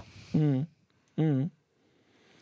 Absolutt, jeg syns det ser veldig bra ut. Men jeg syns eh, av det jeg har sett av Bayern München så langt denne sesongen, så er den best når Mosiala er inne i, i, i Faktisk, laget. og det skyldes, det skyldes jo også svakheten til Sané om dagen. Uh, Sané er jo eh, hardt kritisert i Bayern. Han uh, er ikke i form i det hele tatt. Han fikk seg nå et uh, målpoeng, en assist mot, mot Hertha. Uh, tror det trengte han. Men, Ikke eh, alle i Bayern, det. jo, nesten. Men uh, jeg tror for ham var det spesielt viktig å faktisk få en positiv opplevelse, for den starten han har hatt, den har vært ekstremt dårlig. Mm. Mm. Men, men uh, det jeg tenker på uh, det, det er denne godeste Sabitzer. 15 millioner euro, et voldsomt godt kjøp. Selvfølgelig var det ett år igjen av kontrakta, han ville ikke skrive ny, og, og derfor blir han billig. Men, men eh, et litt sånn under radaren-kjøp, for det er nesten ingen som har snakka om disse i disse kåringene jeg har hørt. og sånn, Men, men dette ser, det høres jo knallsterkt ut. Det er sterkt, og det er jo en posisjon der Bayern absolutt har behov for. Ja. De, har, de har Kimmich og Goretzka, og bak det har de ikke så mye. Uh, Tolisso og Råka, som begge to ikke har det nivået som Bayern krever av sine sentrale Jeg tror også Sabitzer kan erstatte både Kimmich Ja. og Ja, han, kan, han kan gå inn i begge roller. Ja, det er akkurat det, det. Ja. så det, er, det er jo et glimrende Bayern-kjøp. Og Og, og tenk hvis de skal toppe, så kan de kjøre Kimmich Ja. ned på denne utsatte høyre, høyrebekken, og så Mm. kjøre de to sentralt der. ja, og så, husker jeg jo Jeg diskuterte vel det der, og så skjønte jeg ikke at Bayern ikke slo til tidligere. Fordi det var veldig tvil i, internt i Bayern ut ifra det jeg hadde lest. da om Sabitzer virkelig skulle hjelpe. Så tenker jeg, men altså, Sabitzer er en kvalitetsspiller, og du får ikke en spiller på den kvaliteten til den prisen noensinne igjen. Det er, er no-brainer bare Ja. å gå for det med en gang, altså. Absolutt, absolutt. En uh, strålende fotballspiller. eh. Um, men, men dette ser jo ganske solid ut. De har åpna, åpna greit Bayern. Sju poeng på de tre første. eh, Stigning, som dere er inne på. Et annet lag som har variert litt mer, er jo Borussia Dortmund. Ja. Ja. Og du hadde den knallstarten mot Frankfurt, som riktignok sliter. Eh, så hadde du en svakkamp mot eh, Freiburg, og en litt sånn Hawaii-kamp, men likevel litt fortjent seier da mot, uh, mot Hoffenheim. Men uh, føler at uh, Rose ikke har funnet helt den optimale formasjon, Uh, med tanke på hvordan han må distribuere den midtbanen sin. Det, vi har snakket litt om den diamanten der. Den virker ikke helt til å se ut til å gagne laget på sitt beste, også. Det gjør ikke det. Det gjør ikke det. Nei, så har han vært litt sta òg, for det funka så bra mot Eintracht. Eh, da ikke med diamant, og så etter det så har han jo kjørt diamant, og det, det har ikke fungert like bra. Eh, en, en litt Hawaii-kamp også mot Bayern i supercupen, Ja. hvor Bayern da ofte trekker det lengste strået når det blir sånne Hawaii-kamper. Ja, jeg syns, eh, jeg syns jo en spiller som har imponert meg i Dortmund så langt i år, det er jo Jude Bellingham. Jeg syns han har sett strålende ut. Ja. Helt enig med deg. Jeg syns det ser ut som motoren i det angrepet, og, og egentlig i laget generelt. Altså, han tar jo mye defensivt ansvar òg, Mats. Mm. Nei, han ser ut som en, eh, ser ut som en ja, Han er som du sier, han er hjertet i det laget begynte å bli. da. Altså, han styrer det, mye av det offensive, han kommer på dype løp, han er nede og vinner baller, og han setter i gang angrep. Altså, han, han virker veldig komplett. da. Harley, Harley som indreløper, rett og slett. 18 år, altså. Det er helt sykt. Det, det, det er veldig, veldig imponerende. Eh, men, men når jeg ser på tabellen her, eh, Søren Jeg finner jo Herta, som du hadde en liten rage mot i forrige episode, helt nederst. Altså, det, og det er jo svakt, som sagt. Jeg jeg sa det vel en god halvtime der òg, i de første kampene. Horribel eh, overgangspolitikk, etter min mening. En trener som absolutt ikke får det beste ut av det laget der. Det begynner å se litt, litt krise, det begynner å se litt faretruende ut der, altså. Denne sesongens sjalke, er det det du sier? Nei, det tror jeg ikke. Eh, jeg tror uh, Jeg tror Dardai ikke er trener i Herta når vi eh, går inn til jul. Nei, men sjalke Schalke òg bytta jo trenere i ganske Ja. heftig Men nå får vi jo håpe at Hertha Herta har litt mer, litt mer hjerne bak de ansettelsene. Det er jo klart Når du erstatter Wagner med Manuel Baum, da kan det ikke noe godt, godt komme ut av det. Åssen har det gått med Schalke nå i de første kampene i andre Bob, Bob. Jeg Oi, tror det de er- ligger Det er Vant ikke de- rett opp igjen, altså. Nei, de vant jo De tapte jo, jo åpningskampen mot, uh, mot HSV. Og så vant de nå i hvert fall uh, siste mot uh, Düsseldorf, men de ligger bare på niendeplass, sju poeng etter fem kamper. Så det går litt sånn, det går litt sånn eh, bob-bob. Og, og, og ikke mange plassene over med ett poeng over Hertha, så finner vi Borussia München Gladbach. Ja, og Den starten har vært horribel. De fikk en god kamp, eh, god kamp mot eh, Bayern. Da var de jo brukbare og fikk et fortjent poeng. Så hadde de en absolutt horribel kamp mot Leverkosen, 4-0. Da alt som kunne gå feil, gikk feil. Og den kampen mot Union uh, tapte 1-2 på hjemmebane. Nei, på, jo, på hjemmebane var det vel. Og da Nei, det var, det var i Berlin. Unnskyld. Det var på Alte Festerei. Men eh, den, det var et fortjent tap mot Union nå. Og nå er det Neste er mot Bielefeld nå på søndag, og den bør de begynne å vinne, altså. Det er nesten litt sånn Arsenal-posisjon over dette. her. Voldsomt underprestert, eh, kommer inn til denne serierunden og er, skal være en klar favoritt. Og, og, og hvordan man takler dette også. ikke sant? Av det å, å ha hatt masse motgang, og så plutselig skal du møte et lag som alle forventer at du skal vinne mot. Jo, men, men Gladbach allikevel har jo fått en bedre start enn Arsenal, for de har jo én god opplevelse mot Bayern. Eh, så de veit jo at de kan. Eh, så er jo, som Søren sier, da, det handler jo Når du møter lag da, som er såpass mye svakere enn deg, så er det mye mentalt. Altså. Ja, og så ser, ser Mathias Ginter også ut til å være klar igjen mot uh, Bielefeld. Det er- det det, betyr er viktig. Det, det, det betyr helt klart mye.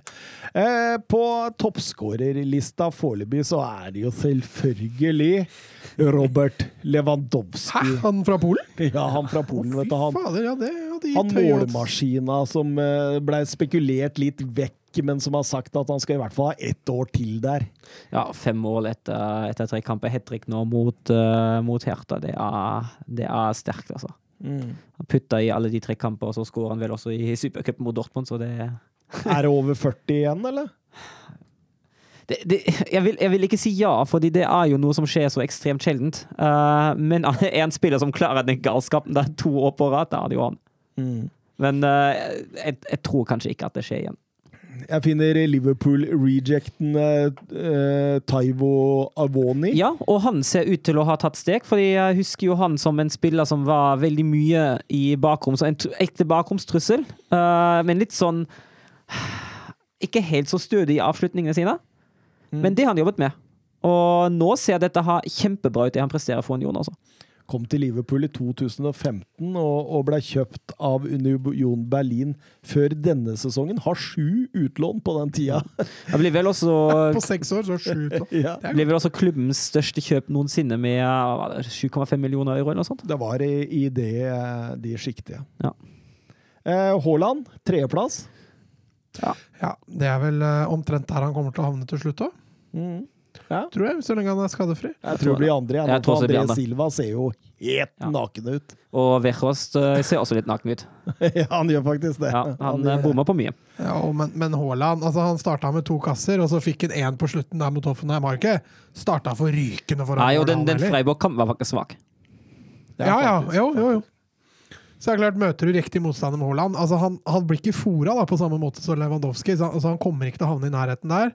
Så er spørsmålet da, om det kommer en ny André Silva fra, fra et annet lag og kan utfordre Haaland om den andreplassen.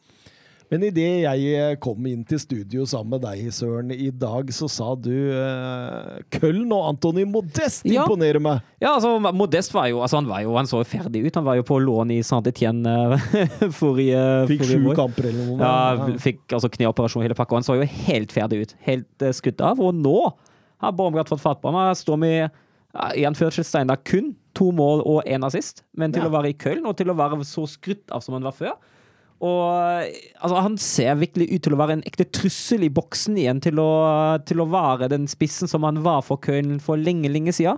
Og hvis han klarer å holde nivået der, da ser det bra ut. Men generelt Köln jeg syns Baumgart har gjort en uh, strålende jobb med sin litt mer offensive spillestil. De var jo gode mot Hertha i store deler av kampen. De hang brukbart med mot Bayern. Uh, og så ble det jo eh, en eh, ja, grei seier mot, uh, mot riktignok Bochum, da. Men eh, jeg syns uh, seks poeng etter de første tre. Det er ikke så ille, det. Køllen er en stor fotballby, det fikk Ståle Solbakken erfare. Det er mye interesse der. Ja, det er voldsomt. Og Og, jeg tror for Køllen er det jo, altså for Köln er det jo en suksess i år, hvis man klarer å holde seg unna eh, det groveste. De var jo med ett eh, bein i andre bondestiga, måtte jo spille kvaliken mot Holstein Kiel. Tapte den, eh, den første, men eh, vant overlegent i Kiel, da. Og da klarte de å berge seg. Men uh, havna de havna de sånn midt på, litt sånn eh, øvre del av nedre halvdel ish. Litt sånn at det ikke er noe fare for å rykke ned, og da er det en strålende sesong. og det er, igjen, det er veldig tidlig, så det er veldig tidlig, altså litt sånn tidlig å slå an eh, noen tendenser, særlig med tanke på at Köln har vunnet mot så langt litt svakere motstand. Men eh, det ser ikke så dårlig ut, altså.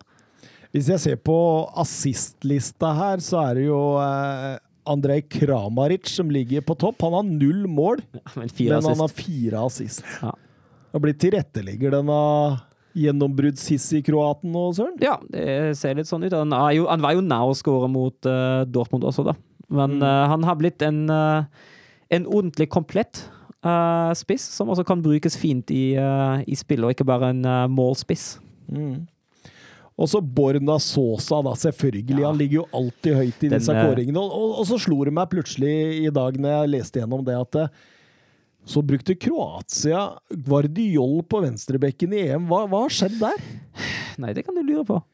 For Borna Sosa, altså det, det er jo ikke første gang han leverer assist for Stuttgart i, i Bundesliga, Altså. Nei, det er det ikke. Han er jo en, han er jo en ekstremt offensiv, uh, offensiv wing, Ja, så, han slår meg litt som en Robin Ghost-type. Ja, ja. Litt, sånn, eh, litt sånn samme type, samme type spiller. Han spilte jo Kroatia med en firevektslinje i EM, så det kan jo ha noe med det, da. er vel bare 23-24 år gammel, eller noe sånt, så er masse fotball igjen å hente der. Og, og Stuttgart er, du, må, jo- du må si de sliter litt, da. Salget av uh, denne uh, argentineren Eh, til Fiorentina. Ja, Nicolas Fernandes. Fernandes, ja. Og, og Silas ute der, og Ja. Koulibaly har jo ikke kommet. Han er vel Hva, hva nettopp ble det av Silas? Nei, han, har- han røyk korsbåndet. Ja, han er fortsatt i Ja, han Stuttgart. er fortsatt i Stuttgart. Det var jo den greia nå til Med, al med alderen og sånn? Ja, med alderen at han, eh, han ble Han ble eh, det, Han blir offer for en uh, Ja, manipulerende ja, det, spillagent. det husker Ja. jeg, men han er Ja. fortsatt i Stuttgart. Han er fortsatt i Stuttgart. Han er ett år eldre enn man antok. Uh, og så het han vel uh, Han het vel egentlig ikke uh, Wamangituka heller. Han heter vel Andersen. Nei, han heter, han heter Silas Katompam Vompa. Hvis jeg har uttalt det riktig nå, da. En tompa bompa. artig, artig navn. Men han heter iallfall Silas, da, så betegnes som Silas er Vi, vi, vi kaller den Silas fra nå av. Eller det har vi vel alltid gjort. Ja, det blir ikke noe nytt, det. Nei, nei, nei. Men jeg tenker jo også på Kaladzic har jo vært ute med skade. Også. Ja. De har fått litt trang eh, fødsel, eh, holdt jeg på å si, disse i starten her. Ja, de har det. Det var jo en overbevisende seier mot uh, Furt, Fürth, eh, 5-1. Eh, og så fikk de uh, tapt de to siste og den siste nå. Fryktelig svak start mot Freiburg, lå unna 3-0 uh, ganske så tidlig da, men uh, kjempet seg tilbake til 2-3, men tapte likevel. Christian Streich, du skal aldri Ja, undervurdere men, han. altså, men Freiburg ligger jo ubeseira med sju poeng på fjerdeplass i år, Ja, så det er en uh, kjempesterk start igjen. Som jeg var inne på for en eh, par-tre episoder siden, at uh, Tuchel sa jo når han mottok eh, årets trenerprisen etter eh, Borussia Dortmund eh, eh, en sesong der han hadde med dem, så sa han hvorfor ikke bare sende den til Freiburg Ja. hver eneste år, liksom. Og han har, han har et poeng. For det, det Freiburg gjør med de midler de har tilgjengelig, det står det, det aller høyeste respekt av. Mm. Men ja, Stuttgart eh, altså Jeg antar jo at de, de kommer seg. Har fått en litt tøff start, som du er inne på, med, med skader Uh, og diverse. Men uh, De er veldig avhengige av disse overgangene sine. Ja, de har det. De har det. Så, og, og når mange av de på en måte kontringspunktene og de man ser etter i de raske overgangene, er ute, Mm. så, så, så, så sier det seg sjøl at de skal slite litt mer enn normalt. Glenn Weber spør på Twitter topp tre talenter i Bundesliga født 2003 eller senere. Ja, det blir jo en A, en kjedelig liste, og B sliter jeg med å stryke igjen der. For jeg har fire. Ja, for du tenker Jude Bellingham, Florian Wirtz, Jamal Musiala og eh, øh, øh, Mokoko? Det er helt riktig. Det er de fire jeg tenker. Det er helt korrekt. Og de er så langt over de neste, Ja, liksom. det er akkurat det. Altså, det kan jo hende Vi har jo snakka om uh, Luka Netz. Ja, Luka Netz, vi har snakka om uh, forrige episode om Sydney Rebinga. Eh, det er jo Litt ung. lovende spillere òg, men jeg har ikke sett så mye til dem at jeg kan si at de ligger på det nivået der. Men de fire er jo fremragende. Men ok, da, men da, men da rangerer vi da, Søren, fra topp én til tre nå. Så, så blir vi enige. Hvem- er best av disse talentene? Vi kan, vi kan Tenker, tenker vi best akkurat nå, eller tenker vi høyest potensial? Ja, Vi tenker best akkurat Ja, okay. ja, Nei, nei, nei, for det er talenter. Vi, Ja. vi tenker høyest potensial. Ja, for de best akkurat nå hadde jeg hatt en klar styrkekandidat, men uh, Ja, ja. potensial vil jeg ja, Fy faen, det er jo Potensial, Mats. Ja, da ville jeg satt Bellingham, Mokoko, Wirtz. Og Musiala ut, altså. Nei. Eh, Bellingham, Musiala Nei, Bellingham, Mokoko, Musiala. Og Wirtz ute. Nei. Ja, ikke sant? Det, det, det er helt sykt i dag. Uh, Jeg ville hatt Mokoko ut. ja.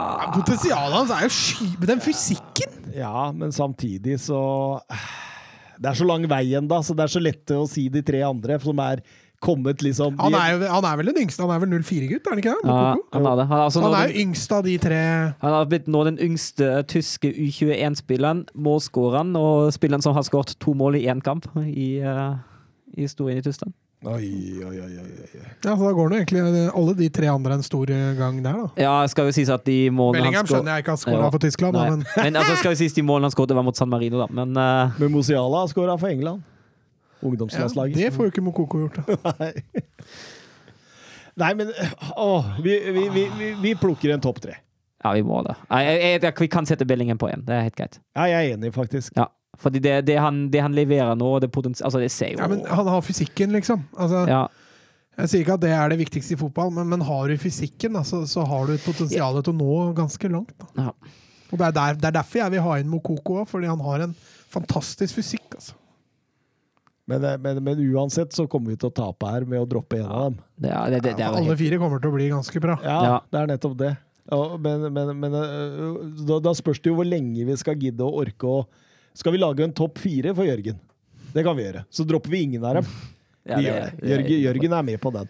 Bellingham Men øverst. det var det ikke Glenn som ville ha han? Jørgen. Ja, det var Glenn som ville ha den. Jørgen Weber. Jørgen Weber. Er nye lytterne våre. Ja. Er Bellingham øverst. Og Han må være slitsom. dere, dere blir ikke plaga der med sånne innbokser eh, av Jørgen eh, som jeg blir? Nei. Nei, jeg har aldri hørt dere snakke om det. Du der- blir der, plaga, altså. Ja, men jeg snakka jo med Clay når han var gjest også. Han også eh, han får en del innbokser av godeste Jørgen. ja. Eh, dere er skåna for det, dere der. Ja. ja, ja. Han, f- han f- føler vel at dere ikke er gærne nok. Det er et eller annet der, altså. Det er- Mangler karisma. Ja, det, det vil jeg ikke si. Det er masse karisma rundt bordet her. Men eh, ja, eh, lista. Ja, altså Bellingham på én. Altså, Altså, sånn Med tanke på det som har blitt vist, har jeg nesten lyst til å sette Musiala på to. Ja. Fordi det, altså det, det han viser i Bayern München, i Tysklands beste lag, det er, det er jo strålende. Altså, han har Men jo er det ikke lettere å være god i et godt lag? Jo, for all del. Uh, men samtidig, altså det er jo ikke sånn at det er en spiss som blir fora. Det er jo han som fôrer Lewandowski. Eh, og det han gjør på kanten der, og særlig nå også i en siste kamp mot Hertha, utfordringer, teknikken og hvordan han deltar i spillet, og har hatt noen ekstremt fantastiske enkeltkamper. Vi husker også i fjor mot Wolfsburg. Den eh, kampen her var jo helt enorm. Men av de fire er det han som har dårligst fysikk. Ja, Musiala? Ja. Ja, det er enig. Ja. Det er derfor jeg droppa han egentlig første gang. Ja, sånn i starten, før Ja. du tenkte deg om en gang, Også, ja. Men, Altså, Ferdighetene til Musiala er kanskje de deiligste. Mm. Og derfor er det, ja, det er derfor det er vanskelig å droppe den også, på en måte. Eh, Bellingham 1. Eh, jeg foreslår eh, Mokoko 2 og eh, Wirtz 3. Sa ikke du akkurat at du skulle droppe Mokoko? Ja, men det var før jeg hørte at han hadde scora for U21. Mot San Marino. Marino. Mot San Marino. Ja. Nei, men Mokoko er jo Ja, Han er jo i 90 minutter, mann. Vi har jo snakka om han siden han gikk i bleier. Mm. Så, så vi må jo holde på han. Ja, okay. Bellingham, Mokoko, Wirtz, og så tar vi Mosiala på en meget god fjerdeplass. Oh, den, den er så tøff, altså. Ja. Jo, Det var det første jeg sa, det! Ja, det var det. Var det? Og det er det vi ender på. Selv om Søren sitter og vrir ansiktet sitt i Ja, det, det gjør bare så vondt. Ja, ja. Men, vil men, du droppe? Ingen! nei, men nå har vi lagd en topp fire. Da blir det Jamal Wirtz da på den tredjeplassen. Ja, det er helt greit. Eh, Neste Bundesliga-runde, de vi skal snakke om, Leverkosen, Dortmund, eh, Søren.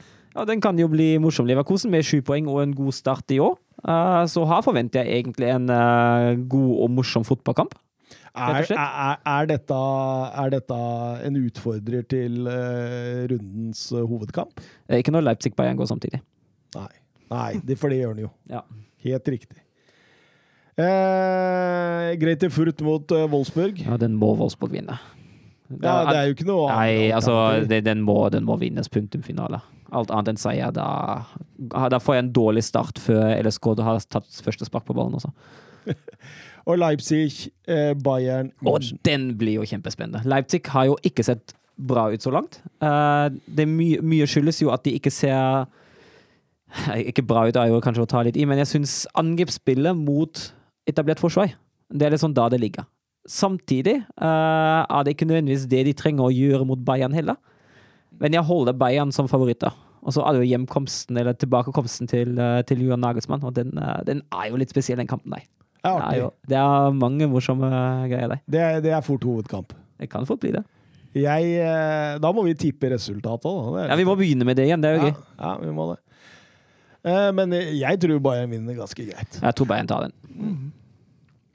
Absolutt.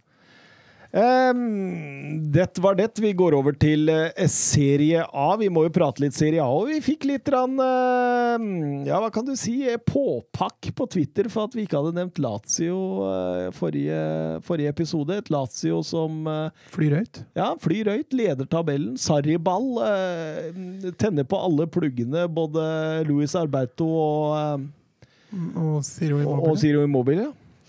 Skal det sies at Det er enda vanskeligere å snakke om uh, Serie A nå, med tanke på at de bare har hatt to kamper. Så de har enda dårligere grunnlag til å Veldig, veldig tidlig. Men, Mm. men, men vi kan trekke noen konklusjoner, og en av dem er at Juventus har starta fryktelig Dårlig. dårlig. Et, eh, og, og, Ja, det er De er nærmere nedrykk enn gull, da, for å si sånn. De er faktisk mye nærmere nedrykk enn gull. ja, de står med ett poeng. Eh, Allegri har virkelig ikke fått eh, sving på sakene, og nå er også eh, deres klart eh, altså største målgarantist i Ronaldo. Han har dratt tilbake til Manchester, og da Hvem skal gjøre måla? Ja, det kan du si. Eh, Jeg lurer også på hvem Alvaro Morata. ja, men jeg, jeg synes jo, Vi var jo inne på det sist. Jeg syns jo det, det angrepsspillet der, det ser ikke bra ut også. Det gjør ikke det. Nei, jeg syns uh, det kreativiteten fra midtbanen der Ja. og sånt, det, det sliter voldsomt i med rytme i hviler veldig på de individuelle prestasjoner. mm. Absolutt. Og det er også et lag som sliter mot etablert. De sliter egen... Altså, de eneste de har vært gode på, det er når de får satt opp skikkelige kontringer med Chiesa, med Kulusevski. Da har det sett bra ut til tider. Men det er også det eneste. Det ser litt ut som Tottenham under Mourinho. Det er litt seigt. Mm. Og nå møter de jo Napoli, som har starta glimrende. Så Ja, Men de har liksom mangla litt den kreativiteten også. Altså, Dybala kommer nok antageligvis til å ta den rollen etter hvert, men det, det hjelper liksom ikke å ha gode bevegelser framme heller, hvis ikke du får noen baller å jobbe på. Det er helt riktig. Det, det, det ser ganske slitsomt ut å, å være i Juventus. Og, og, og vi tippa jo alle Juventus helt til topps denne sesongen. Og, og det kan jo selvfølgelig fortsatt skje, men det ser tungt ut akkurat nå. Ja. ja, Hvis vi skal trekke noen konklusjoner etter to serierunder, så ser det ikke lovende ut for Juventus. i. Men uh, José Mourinho, søren, han har starta bra. han. Ja, men det kommer til å gå nedover igjen, da. Han starta bra i Tottenham, gjorde han ikke? I hvert fall Eh, den jo, første hele han sesongen. heva laget fra starta med en gang der. Jeg husker blant annet han dro til London Stadium mot Westham, og det, det, det, var- det var jo strålende angrepsspill der. Dele Alli som ligger på rygg og, og starter en kontring der. Og, Imponerende at du ikke tar Old Trafford mot United som et eksempel. Da. jo, men, det, men det var jo Det kom- starten på, kommer- for, det var starten på altså det, Nå snakker jeg om den første kamp borte oh, ja, mot sånn. Westham. Ok, Altså, Old Trafford-kampen kom vel i tredje serierunde På, forrige på sin første hele ja. sesong. Ja. Ja. Og det, det var jo også Men der kontra man jo eh, Manchester United i senk. og det virker som det er litt sånn Juventus kommer til å, til å, til å være også. De har jo et par bra kontringsspillere der, og, og, men ikke kreativiteten Nei, og- sentralt i midten. Og hvor ofte får Juventus mulighet til å kontre? Snakker vi mange- hvor- Juventus eller Roma nå? Uh, Juventus. Oh, ja, vi, okay. ja, ja, ja, Du for, var over på Roma. Ja, ja, vi, Men- vi, vi, vi, Vi, vi vingler. vi Ja, vi vingler. men altså, og jeg tenker jo at de fleste lag i Serie A ville være glimrende fornøyd å spille uavgjort mot Juventus. Mm. Så det blir jo ikke nødvendigvis mye kontringsrom når det står 0-0. Nei. Eh, Roma, som vi var litt inne på der. Er vi tilbake på Roma, da. ok. De eh, har fått til angrepsspill og, og overganger og kontringer, Mats. Ja da, og, og, og som vi har vært inne på før, dette serien Premier Leagues kirkegård, der har Roma vært eh, mestere i å rekruttere døde fotballspillere fra Premier League. Og Og trener! ut. Og trener, ja! Og nå ser de ut til å skyte enda en uh, dauing tilbake igjen i, i Tammy Abraham. Han ser jo strålende ut, så Men det forutså vi. Ja da, ja da, det er ikke noe overraskende at han skulle gå inn der og dominere. Eh, men altså, Roma som lag òg, det, ser- det ser ganske bra ut, altså. Søren kommer til å skylde meg både pils og pals når vi, Og kake. og kake. Du må bake, Søren, visste du det? Og Ferritot er jo tatt, tatt ut i Frankrikes uh, tropp også, så jeg. Det er klart etter de to første kampene han har Ja, hatt, for det, det har jo vært uh, ut av en annen verden. Og det, det er klart det at der viser jo Mourinho Søren hvordan han kan utvikle uh, spiller. det, det vrenger seg noen ganger. Ja, men greia er da, der Tottenham fint kan snuble mot lag som Everton, Westham Altså, Roma snubler ikke mot Salernitina og Empoli, og det er, det er ikke samme motstanderen du møter, da. Nei, det blir jo å karre seg inn blant disse, altså, som vi har snakka om. eh, eh, Juventus, Atalanta, Napoli, Milan, Inter og Lazio. Altså dermed også Roma. Det er vel de det kommer til å stå mellom. Og, Ja. og, og, og rekkefølgen der, den er veldig, veldig vanskelig. Ja, altså. er Jeg, jeg er fortsatt trygg på Juventus. Ja, jeg tror jeg skal- det kommer. Jeg tror det kommer. Jeg skal ikke vingle heller. Eh, men, men bak der Jeg er trygg på Roma. Ja, det har jeg, men ikke som nummer én. Nei, men uh, topp fire. Det tror jeg jo. Men, men jeg må jo si at Lazio ser bra ut. Inter har overrasker positivt. ja. Eh, Milan Napoli, har altså, fortsatt ja. under Pioli. Så det er, det er vanskelig å, å konkludere noe der ennå, i hvert fall. Mm. Så er det litt artig, syns jeg, med Lazio, fordi denne Filippo Andersson, som ble henta for tre millioner euro fra Westham, eh, har allerede klokka inn en scoring og en assist. Og, og skinner sammen med Ziro Immobile og der. Og, og, det, det, det, det er Sarri-ball. Eh, hvor langt kan Sarri-ballen ta Lazio? Det er spennende. Jeg leste nettopp et stykke fra godeste Caicedo, som, som var spiss der for et par år siden. Han sa det at eh, hvis ikke koronaen kom og liksom på en måte forstyrra sesongen for ja, det blir da to år siden cirka, så hadde Lazio vunnet uh, serien. Og det, det, det, det sa han at det, har jeg mange med meg på, sa han i det intervjuet. Er det så bra, Søren? Jeg vet ikke, altså det er vanskelig å komme med, eh, med hypotetiske, hypotetiske greier, da. Det er jo det. Men uh, Sarri har jo førvist at han uh, kan gjøre det veldig bra i Serie A. Uh, Lazio har før vist at de har grunnlag i hvert fall til å gjøre det bra, så Ja, altså det er jo to år siden hvor de, hvor de kvala inn til Champions League. Og røyk vel med god margin mot Bayern til slutt der, men uh, Sarri har jo gjort det bra med Napoli, og, og han gjorde det jo bra i en periode hvor Juventus var fullstendig overlegne. Uh, så Nei, det er ikke Og Juventus er ikke der nå, altså.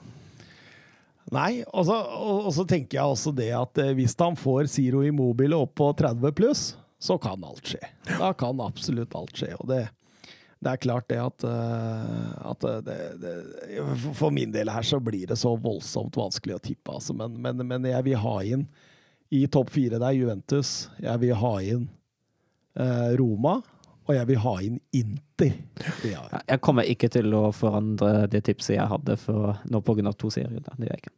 Nei, men, men, men sånn det ser ut sånn, ja. Ja, ja. Altså, du kan gjerne stå ved tipset etter to serierunder. Du er, du, du, hvis ikke hadde vi blitt overkant vinglete.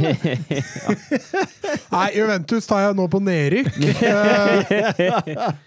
Nei, Juventus, Atalanta, Inter, Milan. Åh, ehm, jeg, ingen spørsmål om Serie A denne gangen. Så derfor går vi over til den neste runden, og det, da får vi, som Mats var inne på, et eh, voldsomt oppgjør mellom Napoli og Juventus. Jeg tror ikke det var jeg som var inne på det. Var det ikke var det Nei, det var jeg som var det. det. Vi, får- vi får jo et voldsomt oppgjør til, da, men eh, ja. Mm, Hva, hva tenker vi om den kampen? Nei, Det blir jo første ordentlige, skikkelig prøven på Juventus. De har jo stått til stryk i de to første kampene, så Kommet på de to eh, tentamene og stryke, og så skal du opp på eksamen? Men, men det er jo også en typisk kamp, da. Du ser Bayern sleit i første, og så drar de til Dortmund, og så, og så Ja. drar de i land en, en, en, et, en pokal. Uh, så det er liksom typisk om de greier å snurre i den kampen. Jeg skal jo si at det blir den første ekte prøven for Napoli òg, for de hadde Venezia og Genoa i de første to. Og det er jo Jo, jo men de tok jo poengene sine, da. Jo, for all del. Uh, det hadde jo klart jo ikke Juventus. Det er mange morsomme kamper eh, i denne serierunden. Sampdoria mot Inter er også en eh, morsom fotballkamp. Men den skal Inter ta. Eh, Nei, ikke hvis Morten Thorsby får noe Ni av ti ganger, jeg er helt enig, men, eh, men samtidig, altså Sampdoria det, det, De er en hard nøtt enkelte ganger, altså spesielt eh, Som du sier også, Morten Thorsby. Vi må jo nevne den, han gjør jo strålende der. Mm. Eh, blitt jakta av større klubber i Ja, han var linka til Napoli i sommer, husker jeg. Ja. Em, via Milan mot Lazio. Ja, den blir jo kul. Det kan fort bli 3-3. Ja. Det, det, der kan det ta av. Oliver Giroud i målform, så kan det ikke ja. Og eh, Roma de møter Sassolo hjemme. Ja, Sassolo har jo fått det til å gli OK i starten, dem òg, på tross av at de har mista noen bærebjelker. Ja da, absolutt. jeg Ligger med fire poeng på åttendeplass der og, og har los, rett og slett. Mm. Eh, en liten tur må vi også selvfølgelig over til League Ø, eh, som eh, det heter. Og der Paris Saint-Germain har jo hatt en voldsom enkel åpning på Ja, sesongen. og det altså. heter tross for at Mbappé spiller på halv maskin. Altså. du er der enda, ja. gir deg ikke, gir deg ikke. Eh, men, men Jeg syns ikke det har sett så suverent ut, altså. Nei, jeg sier det. Mbappé på 50 Med, med Bare gi deg, Mats.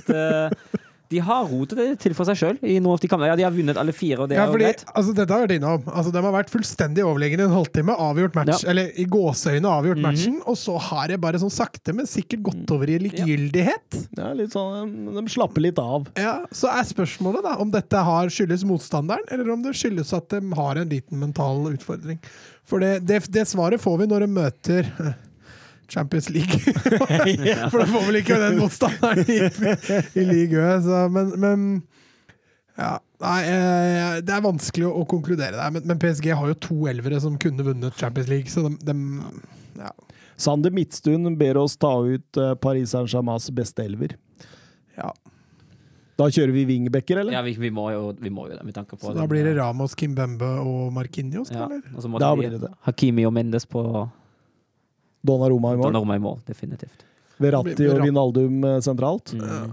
Og så de tre på topp blir Messi, Mbappé, Neymar, da. Det var ganske enkelt, det. Ja, Ja. det gikk fort, det. Ja, det det, det, med andre ord så er det fire som skiller seg ut. Nei, ti- elleve som skiller seg ut, men.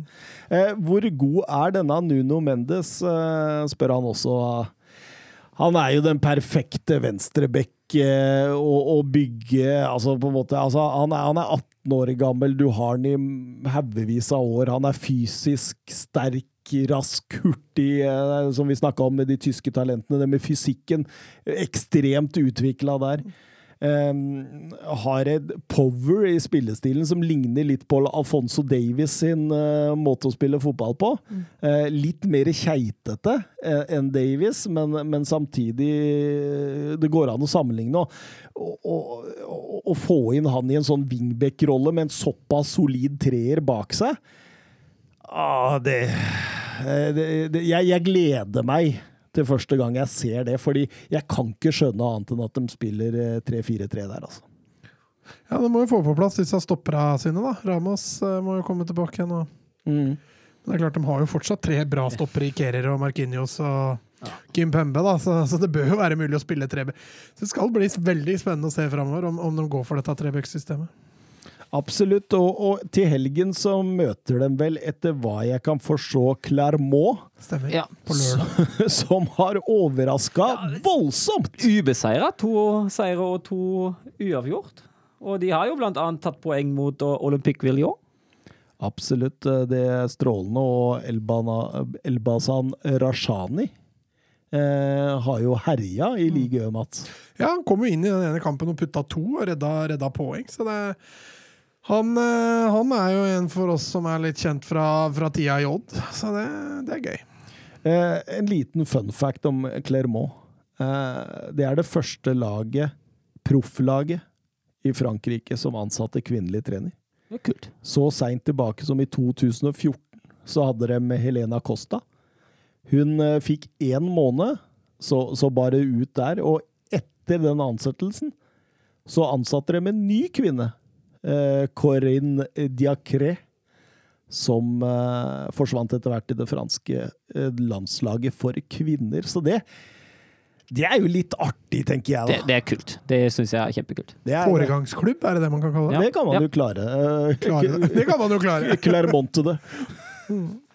Så det, det, det er litt artig, syns jeg. Og, og at de ligger nå på tredjeplass og, og har et ja, de er altså fortsatt allerede, etter fire serierunder, fire poeng bak på tredjeplass.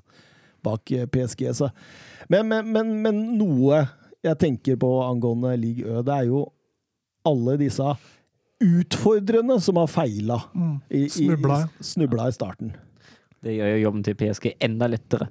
Ja, ikke sant? For her har de falt som fluer, ikke sant? Eh, eh, Monaco har eh, slitt voldsomt. Lill har slitt mer enn man Ja, man, man følte vel kanskje at Lill skulle få en litt hardere sesong, men Lyon, Rennes, Marseille Ja, ingen av de lag ja, Marseille har jo sju poeng etter tre Ja, kamper. de Vi får se hva det som skjer med den NIS-kampen, men ingen av de andre lag som du har nevnt nå, har jo mer enn fem poeng etter fire runder. Nei, ikke sant? Det er vel kanskje NIS som er det laget som har imponert mest, og det er jo Galtier, det, vet du. Han, eh, vi vi snakka om hvordan han skulle klare seg unna, uten denne superdirektøren, men eh, Enn så lenge klarer han seg utmerket.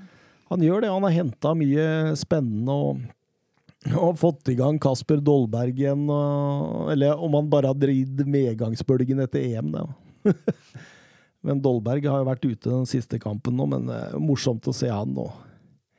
Jeg syns NIS ser veldig morsom ut. altså Veldig spennende å se. Ja, kan fort bli en andreplass bak PSG. Ja, men, men samt, jeg, jeg tror jo på Monaco, men, men Kovac har jo slitt voldsomt der eh, i starten her nå. Ja, og røyk vel også litt uheldig i Champions League-kvaliken mot uh, Sjakta Donetsk, var det vel? Mm. Ja, så ikke en bra start. Fire poeng etter fire runder. Det- Men dere så hvem som spiller sentral midt på det franske landslaget? i- Chouameni var Ja. Aurelien Chouameni!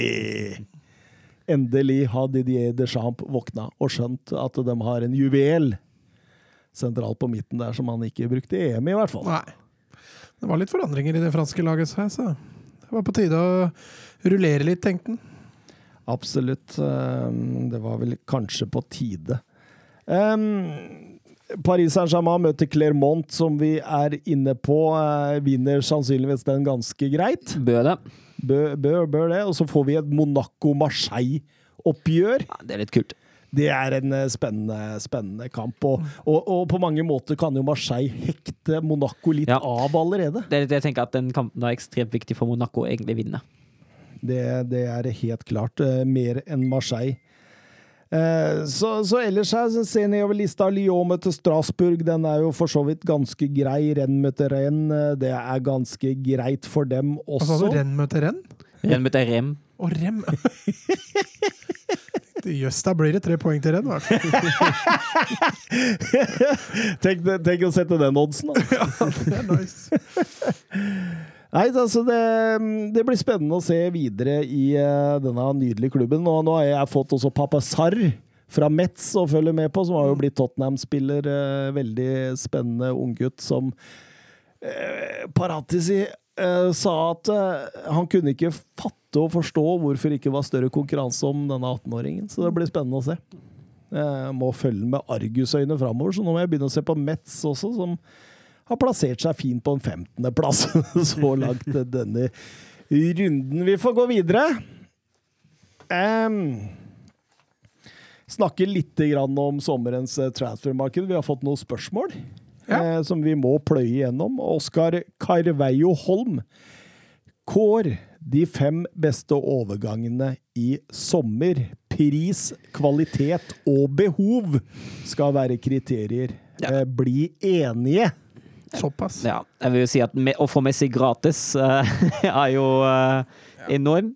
Men, men, men, men eh, hvor stort behov var det? Nei, men altså, jeg tenker jo altså Messi gjør jo lag... Kvalitet og pris, der stiger Ja. Der men, men samtidig, altså, Messi gjør jo laget så mye bedre uansett. Mm. Uh, så jeg føler at du har alltid et behov for og Messi i laget ditt. Så enkelt Ja. er det faktisk. Ja, for, altså, Så, Altså, er- er vi kårer den som Han, han, tar jo, han tar jo plassen til Di Maria. Og at Messi er en upgrade til Di Maria, er det jo ingen tvil om. altså, det å kåre en sånn overgang, da, fordi free transfers-overganger altså Donnarumma også er jo, Ja, er er jo der, ikke sant? Og det ja, jeg, jeg, jeg tenker, altså for, for meg så var soleklar en David Alaba. Ja, I Alaba i forhold til hva pris, kvalitet og hva Real Madrid virkelig behøvde. ja, for da, har du jo de, da, er, da må vi nesten ta, fordi det har vært mye gode free transfers Ja. denne runden her. Altså, du har Donnarumma, du har.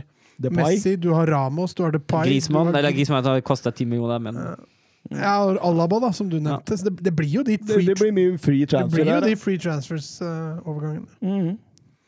Men hvis du skal arrangere, jeg er helt enig med Søren, og, og ikke ta Messi der, det er jo helt latterlig. På første? Ja. Jeg ville hatt Alaba. Nei, jeg- Han, han, han, altså, han, du han henter er enda mer behov for i Real Madrid. Du henter tidenes beste fotballspiller. Altså, det spiller ingen rolle hvilken klubb som henter den engang. Nei, Får, Nå er dere inhabile, da. det Du får den gratis! gratis. Jeg er enig med Mats. Altså, eh, du kunne ha henta den til City, altså, selv om de ikke hadde trengt den, liksom. Fortsatt. Jo, men altså, jeg, jeg mener her at i forhold til spørsmålet, så fyller Alaba tre bokser av tre mulige, mens Messi fyller to og en halv av tre mulige. Hvorfor ikke tre? Fordi behovet for han er ikke like stort som det det var men- for men hvis vi, hvis vi du vinner det- altså, jeg, Champions jeg, League? helt jeg er helt, ue- jeg helt uenig. Ja, men nå, nå snakker du jo veldig hypotetisk her, da. Hvis Nei, men de vinner Champions League, nei, League, hvis da du er vil vinne. Champions League-seier, og hvis vi, PSG vil vinne Champions League, og da skal du ha det beste laget som du kan få, og Messi bidrar til det. Mer enn en Ja, hvilken som helst annen spiller. Nei, jeg, jeg er uenig. Altså, eh, man kan jo også godt uenig. ja, men, ja, men Man kan jo godt argumentere, som du sier, da, at, at, United, ja, at Real Madrid hadde trengte virkelig en stopper. Men Messi går rett inn og forsterker jo PSG ganske mye. Ja, veit vi det, da? Ja, men nå Jo, men alle overgangene kan vi jo si! Ja, men veit vi det nå? Så, så det argumentet føler jeg ikke er like Men altså, eh, jeg tror Messi er Det jo er motivasjonen til Messi nå, eller? ja, men, Igjen, da, det kan vi jo si om alle. Det var motivasjon til Alaba. Han, eh, han, vil, han vil ikke bli Bayern pga. penger. Altså, Så, men men jeg, jeg, jeg er enig med Søren. Jeg, jeg må, må ha Messi inn der. Ja, jeg sier meg uenig. Jeg ville hatt den som nummer to, men eh, det er greit, det. Da, da håper jeg Alaba er ja, nummer to for dere. Ja, definitivt Alaba er Nei, jeg har ikke han på lista, jeg. Såpass, ja. Nei da, jeg er med Ja, på Jack Grealish. Ja. Han hadde jeg fått for to milliarder, så hadde det vært overpris. Nei da. Eh, Alaba nummer to er greit, det. Ja, greit. Ehm, Jeg syns jo Navas er en god keeper, så Donnaromma i forhold til det behov. Men samtidig så har du skaffa deg en keeper der, da, som kan stå i 15-20 år framover i tid og være verdensklasse hver eneste uke. Ja, og det er, det, er, det er en enorm overgang, det da. Ja, så jeg tenker jo den er hakket over Depay igjen, da, Ja. hvis vi skal gå på disse at, at, Ja, nei, men jeg er enig i det. Eh, og så kan vi sette Depay nummer fire. Ja. Men da, da vil jeg gjerne ha en Ramos jeg, da, på nummer fem. Ja, du vil det? Ja? Ja, for, altså, med behov, liksom. Altså, stopp, få inn en god Jeg vil ha med Sabitzer, jeg, da. 15 millioner for han inn der i det Bayern München-laget, som da får enda flere strenger å spille på. Jeg kan eh, løfte inn Grismann nå, men jeg kan veldig fint være enig med Sabitzer der. Ja, fordi jeg, jeg tenker på Ramos. Han er litt sånn For det første, da, fjorårssesongen. Det, det, det var sterke varsellys om at det var på vei nedover. Eh, samtidig som du var inne på det i stad eh, også, at eh, de har jo faktisk ålreite sentrale stoppere der som som, eh, som som ikke nødvendigvis gjør seg bort. Og, og jeg tenker på det behovet for en Sabitzer der, da, som kan også frigjøre Kimmich inn. Det er det er 15 millioner, det er småpenger. Det er jo altså, Det kan jo godt hende på en måte at eh, lønna til Ramos da, vil overstige totalkostnadene ved Sabitzer ganske Ja, og, og i tillegg et siste, en siste ting som kanskje ikke spiller så stor rolle med tanke på kriteriene som er satt, men eh, Bayern svekker en direkte konkurrent. Ja, det er også eh, et kriterium der, så Jeg veit ikke om du vil diskutere mer på den, eller om du Nei, det er ikke så viktig for Nei, meg. nei. Så hvis, hvis det er flertall for Sabitzer, Ja, så bøyer jeg meg i støvet. Da blir det Messi, Alaba, Donnarumma, Depay og Sabitzer. Da. Det er Sabitzer den eneste som koster penger. Ja, for et overgangsvindu vi har hatt. Altså. Ja, det, det har jo vært helt fantastisk. Eh, det har, eh, hvis du skulle gi terningkast på overgangsmarkedet, så hadde det vært sekser. Ja, faktisk. Det har vært, det har vært, altså, vi, vi snakket jo litt etter EM at det kommer litt sånn treigt i gang, men herregud som det kom i gang. Ja, ja. Og, og, og vi, vi er fortsatt i pandemien. Det er fortsatt klubber som blør. Og, men det er kanskje også noe av grunnen tenker jeg, til at det har blitt sånn det har blitt. For plutselig måtte man kvitte seg med spillere òg. Man fikk ikke registrert spillere sånn som det har vært i Barcelona. og Det er bare Barcelona, det er ikke? Eh, Petter Støvland uh, på uh, Twitter spør oss om Er det en overpris på Lukaku og Grealish? Eh, Hvem var mest overpriset i markedet i sommer? Er, er, er, eh, er eh, Lukaku og Grealish overprisa? Det er litt sånn spørs hva man, hva man tar som utgangspunkt. Hadde vi tatt markedet for pandemien som utgangspunkt? Sikkert ikke. Tar vi markedet nå? Ja, tenker det. Jeg tenker, altså, jeg- sa, altså Grealish er jo, er jo litt yngre enn Lukaku også, uh, men samtidig det er jo sånn det du må betale hvis du vil ha en såpass viktig spiller for de lagene det gjelder. Og vi Ja, og også- bri- med britisk ja, pass. det er akkurat det. Vi sa det var akkurat det. Uh, Særlig engelske spillere er jo, er jo veldig dyre. Absolutt. Og Lukaku var jo en ekstremt viktig brikke for Inter. Klart, Ja. Da må du komme til smertegrensa for Ak akkurat det for Chelsea føler jeg liksom For en spiss var det de trengte. Ja, men det er ingen gjeldssalgsverdi i, i det hele tatt. Altså, det, altså, han er jo der for å levere. Nå har jeg hylla den overgangen før, så det, jeg, jeg spiller bare djevelens advokat her, men altså uh, det, det, han, han er kun der for å vinne Premier League og, og Champions League, og, og, og må på en måte gjøre det for at den overgangen skal være suksessfull. For økonomisk, ja. Mm. Så, så, så veldig spennende, men, men ja. Altså, hvis Grealish hadde vært fra Sveits, så hadde den sikkert kosta en halv milliard, og ikke, ikke en hel. Mm. Eh, Vil jeg tro. Og Lukaku også, med, i, i forhold til alderen, så hadde det vært et helt normalt marked, og, og man ikke satt der og, og, og var såpass Hva kan du si? Altså, det, det, det var jo flere som var Åpenbart Chelsea i hvert fall skulle jo ha den gjennombruddsnieren. Eh, Haaland var tydeligvis pri én, så skjønte de at det ikke gikk, og da, da må vi gå for Lukaku. Men, men en jeg trekker fram som overprisa i markedet i sommer, det er jo Ben White. Jeg, har tidligere skrytt av Ben, ben White. Han er en god stopper, for all del. Men 58 millioner euro, det er mye penger for en såpass Altså, Ja, vært vi, vi er ikke langt unna uh, av, eh, van Dijk, altså. Nei, det er jo faktisk fire Allan Shearer ja. i overgangen fra Blackburn til Newcastle.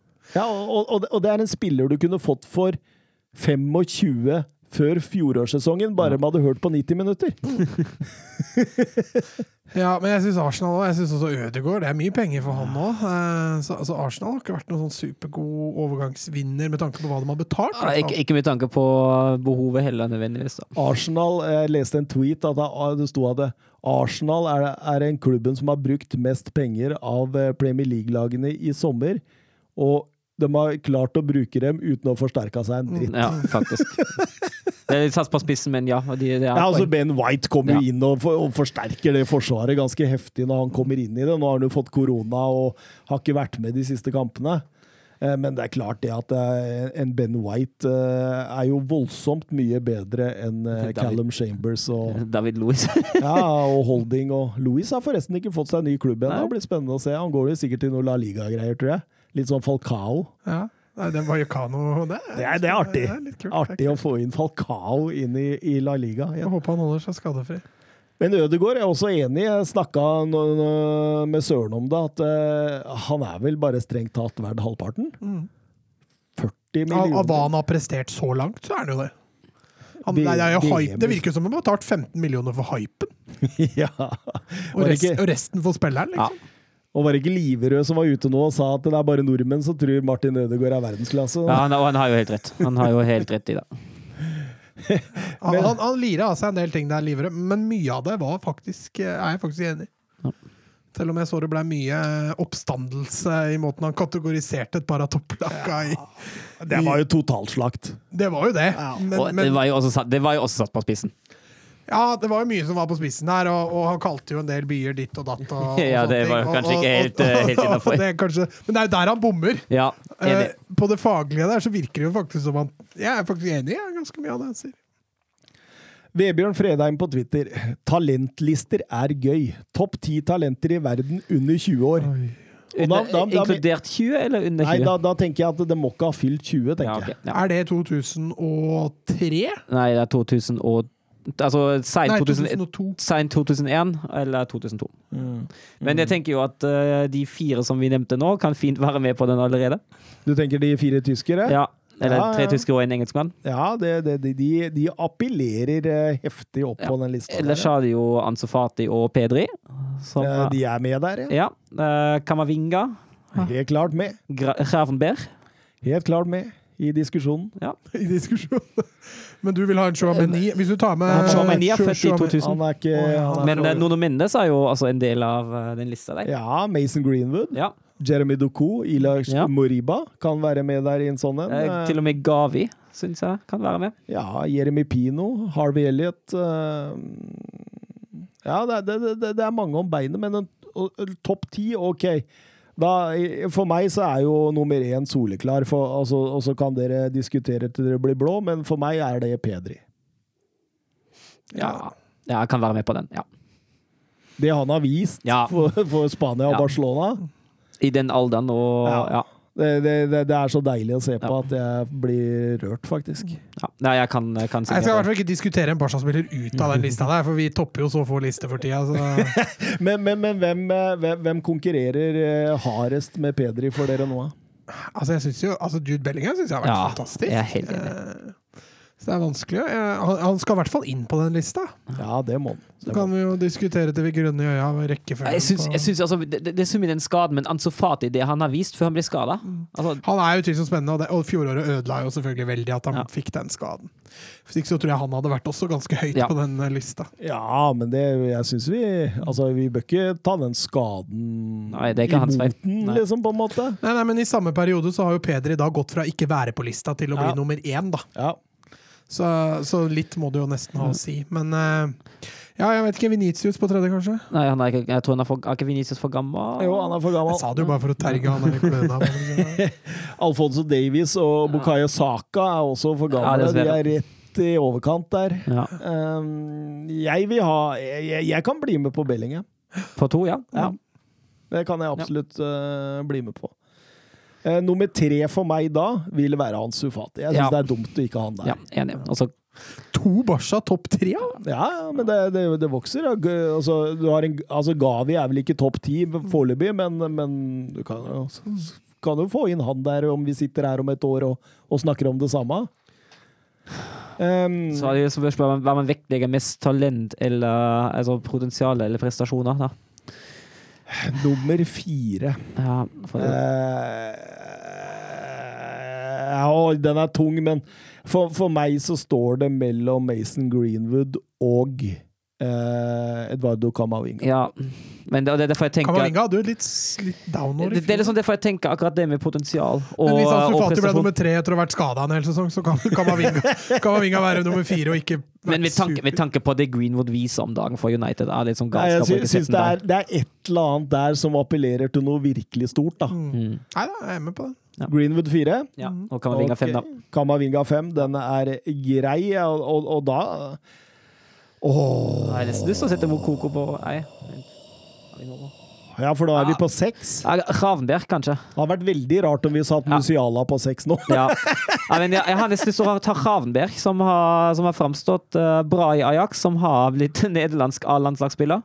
Det er, det er jo du som har størst kontroll over han. Ja, jeg syns, jeg syns han har vært god også. Jeg, jeg har lyst til å sette den på sekseren. Ja, vi gir Søren den gaven. Setter han på seks, og så På sju, da er det ikke på tide med Mokoko. Ja, det er det. Mm. Åtte. Da vil jeg til jeg Vet du hva jeg vil, hvem jeg vil ha inn på åttende? Eh, Jeremy Ja. Jeg har liksom ikke sett så mye av han. Jeg, Nei, men jeg så han i EM, liksom, som Han er så deilig, han.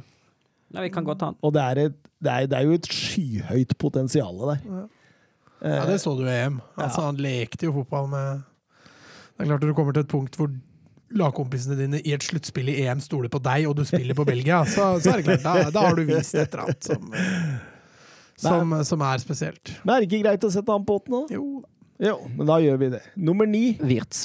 Wirtz. Ja. Jeg kan være med på den, jeg.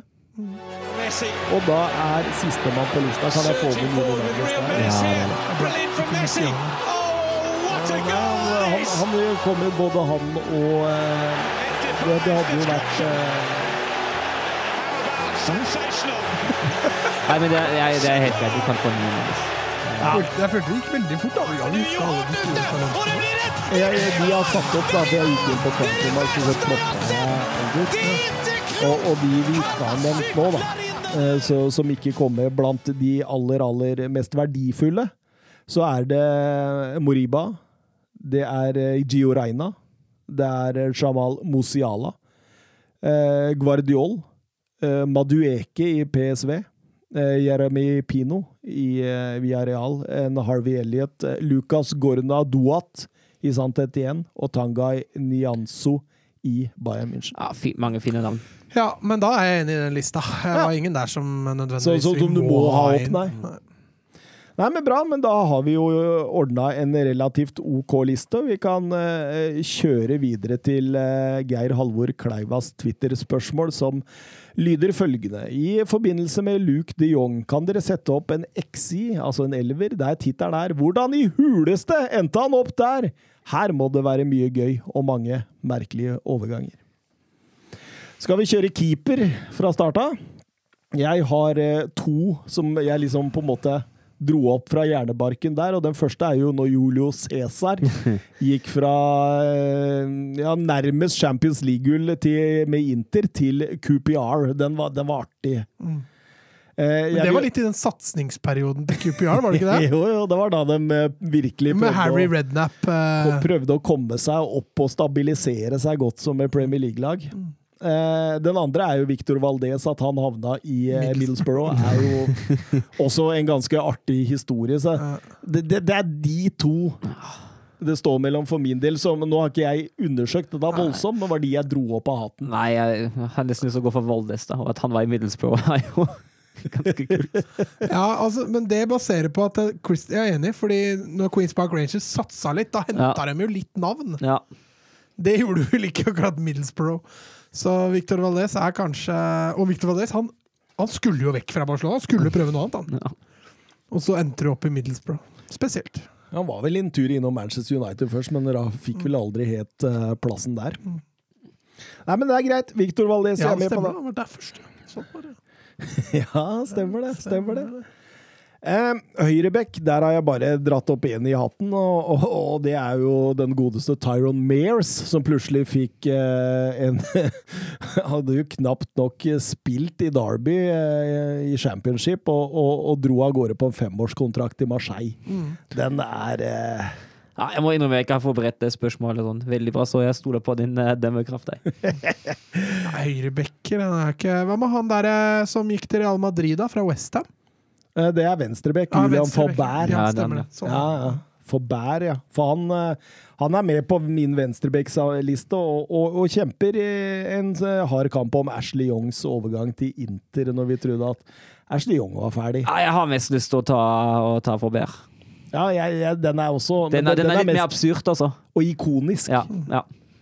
Men du har også Rayston Drente, som endte opp i Real Madrid. Den er ganske sjuk, den òg. Den også er litt spinnvill. Og så videre til Everton etter Ja, det. og det gikk jo bare rett hjem etter det. mm. Men det var jo midtbanespiller, var det ikke det? Han var venstre Kant. bekk, venstre kant. Ja. Han spilte Ja, en venstrekant.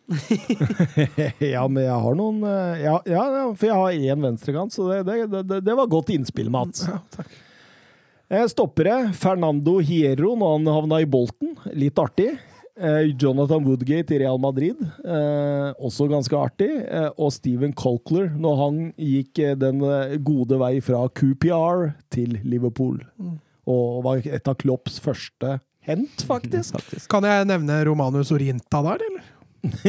Er, er det, er det innafor? Du må fortelle om den til våre Ja, lyttere. ja, nei, han henta, ble henta til Lillestrøm fra Nigeria.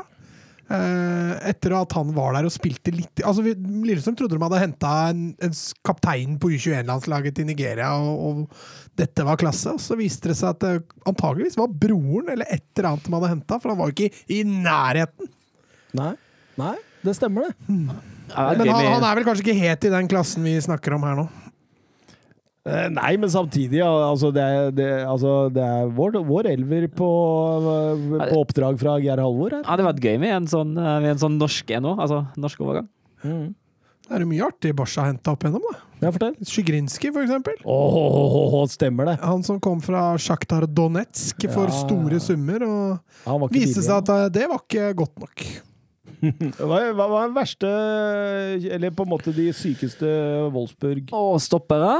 Jeg hadde en fra Chile, Valdo Ponce, første chileneren i Bundesliga. Han var helt katastrofe. Ja, men siden du er på vei å løpe ut i bussen, så, så, så hele Wolfsburg, hvis du tar hele, hva, hva, hva Altså, det? vi hadde jo Felix Maggat da han kom i periode to. Så prøvde han jo å hente de som var gode for sånn fem år siden tilbake. Da Eh, Da havner vi, havner vi med han eh, Kyrgiakos, som blant annet var i Liverpool òg. Uh, henta han Alexander Klept, så henta han Hassan Salihamidzic uh, og Thomas Hitzelsberg og litt sånn, sånne figurer. Det var sånne spillere som var langt, langt over senitten. Chris fra Frankfurt, uh, Marco Ross fra Frankfurt. Altså, det var det var et sammensurium av spillere. altså Kødda vel litt med i, i supportermye om uh, på den tida at han hadde sett for mye Back to the Future. Jo, men dette er jo spillere som har vært gode. Ja, men, var ikke- men de var jo ikke gode da de ble henta lenger. Nei, men samtidig så ja, ja jo, jeg, jeg- er liksom ikke er liksom ikke i den kategorien, Nei. da. Altså, Nei, nei, er dette er, jeg du må liksom se til de største klubbene som har henta noe merkelig ræl, liksom. Øh, kom til å tenke på nå, Sol Campbell da han gikk til Notts County. Det var litt artig. Ja, men han var jo på hell når han gjorde det. Jo, det var Sven Uran Eriksson og de greiene der. Det var voldsomme greier. Det var litt sånn som når folk drar til USA, liksom. Pirlo i, i New York City Ja. og Beckham i Galaxy. Har, har ikke Riise spilt i India? Jo, det har han faktisk. Oscar, når han dro til Kina. Ja. Han, Der har du flere, da. Levetzi Jo, jo, men Oscar var liksom 25-25 år. Dominert eh, Chelseas midtbane her, og så drar du plutselig til Kina. Altså Lavetzi og sånn, de var jo Altså, de begynte jo å nærme seg noe Altså, Carasco er litt av det samme igjen, da. Mm. Eh, nå drar eh, Søren og skal rekke bussen her. Søren eh, har blitt den nye Mats, og det har alltid dårlig tid, har du merka det? Og så, og, og, og så kommer det på Twitter, vet du. Hver eneste helg så, så flommer det over av breddekamper og, og øl og alt på Twitter. Og så, og så kommer vi, og så skal vi avtale noe studiotid, og da har han dårlig tid. Ja, I dag hadde jeg litt dårlig tid. du snakker ikke inn i mikrofonen. I dag hadde jeg litt dårlig tid. Vi sitter og ler, og sannsynligvis ingen hørt hva han har sagt. Ha det bra, Søren. Ha det bra. Takk for i dag. Jo, takk for i dag. Vi får dra laget videre, vi, Mats. Eh, Men Fernando Giro i Bolten, den er artig. Den er fin. Ja, den er nydelig. Hva gjør du der? Ja. Eh, sammen med Steven Colcler i Liverpool, eller? ja. Jeg kan gå med til den. Jeg har noen sterke følelser der, kjente jeg. Jeg kom ikke på noen heller. På høyre kant så fant jeg ingen annen enn Diogo Jota. Jeg tenkte, Tenker vi på samme Yota her. I Liverpool, liksom? Hva gjør du der? Hva gjør han der? Ja, men Du kan få lov til å få den til sånn stikk til dine verste følgere. Det er greit. Hva gjør du i Liverpool, liksom? Og den fæle, fæle Glenn Thon som driver og, og bombarderer meg med dette her, så er det bare Her fikk du tilbake. Denne er din. Hva gjør du der? Venstrekant, du var inne på eh, Rayston Drente. Ja, jeg kan jo foreslå Martin Braithwaite i den kategorien. da. Ja, ja, ja. Og vi kan foreslå Bojan Kirkic når han dro til Stoke. ja. Der kan vi foreslå Shakiri òg, da han dro til Stoke. Ja, den er også eh, spenstig. Uh, du, apropos, liksom.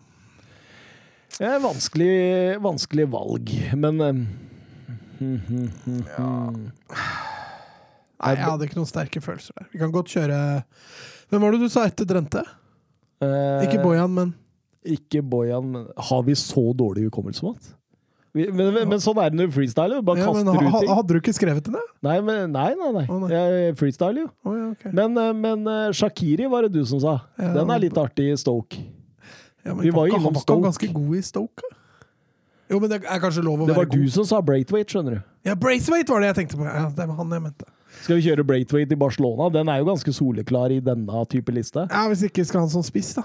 Men det er kanskje masse spisser å velge mellom. Men, men, men var han erstatteren for Luis Suárez, liksom? Sånn. Uh, ja, fordi Suárez ble skada. Langtidsskada. Mm. De satt jo i styrerommet og diskuterte Ja, det, det, det. Jeg har hørt et dikt om det der, Mats. Ok, nei, men vi, vi, kjører, vi, kjører, eh, vi kjører Braithwaite på Ja, venstre kant. Uh, sentral midt, her er en del.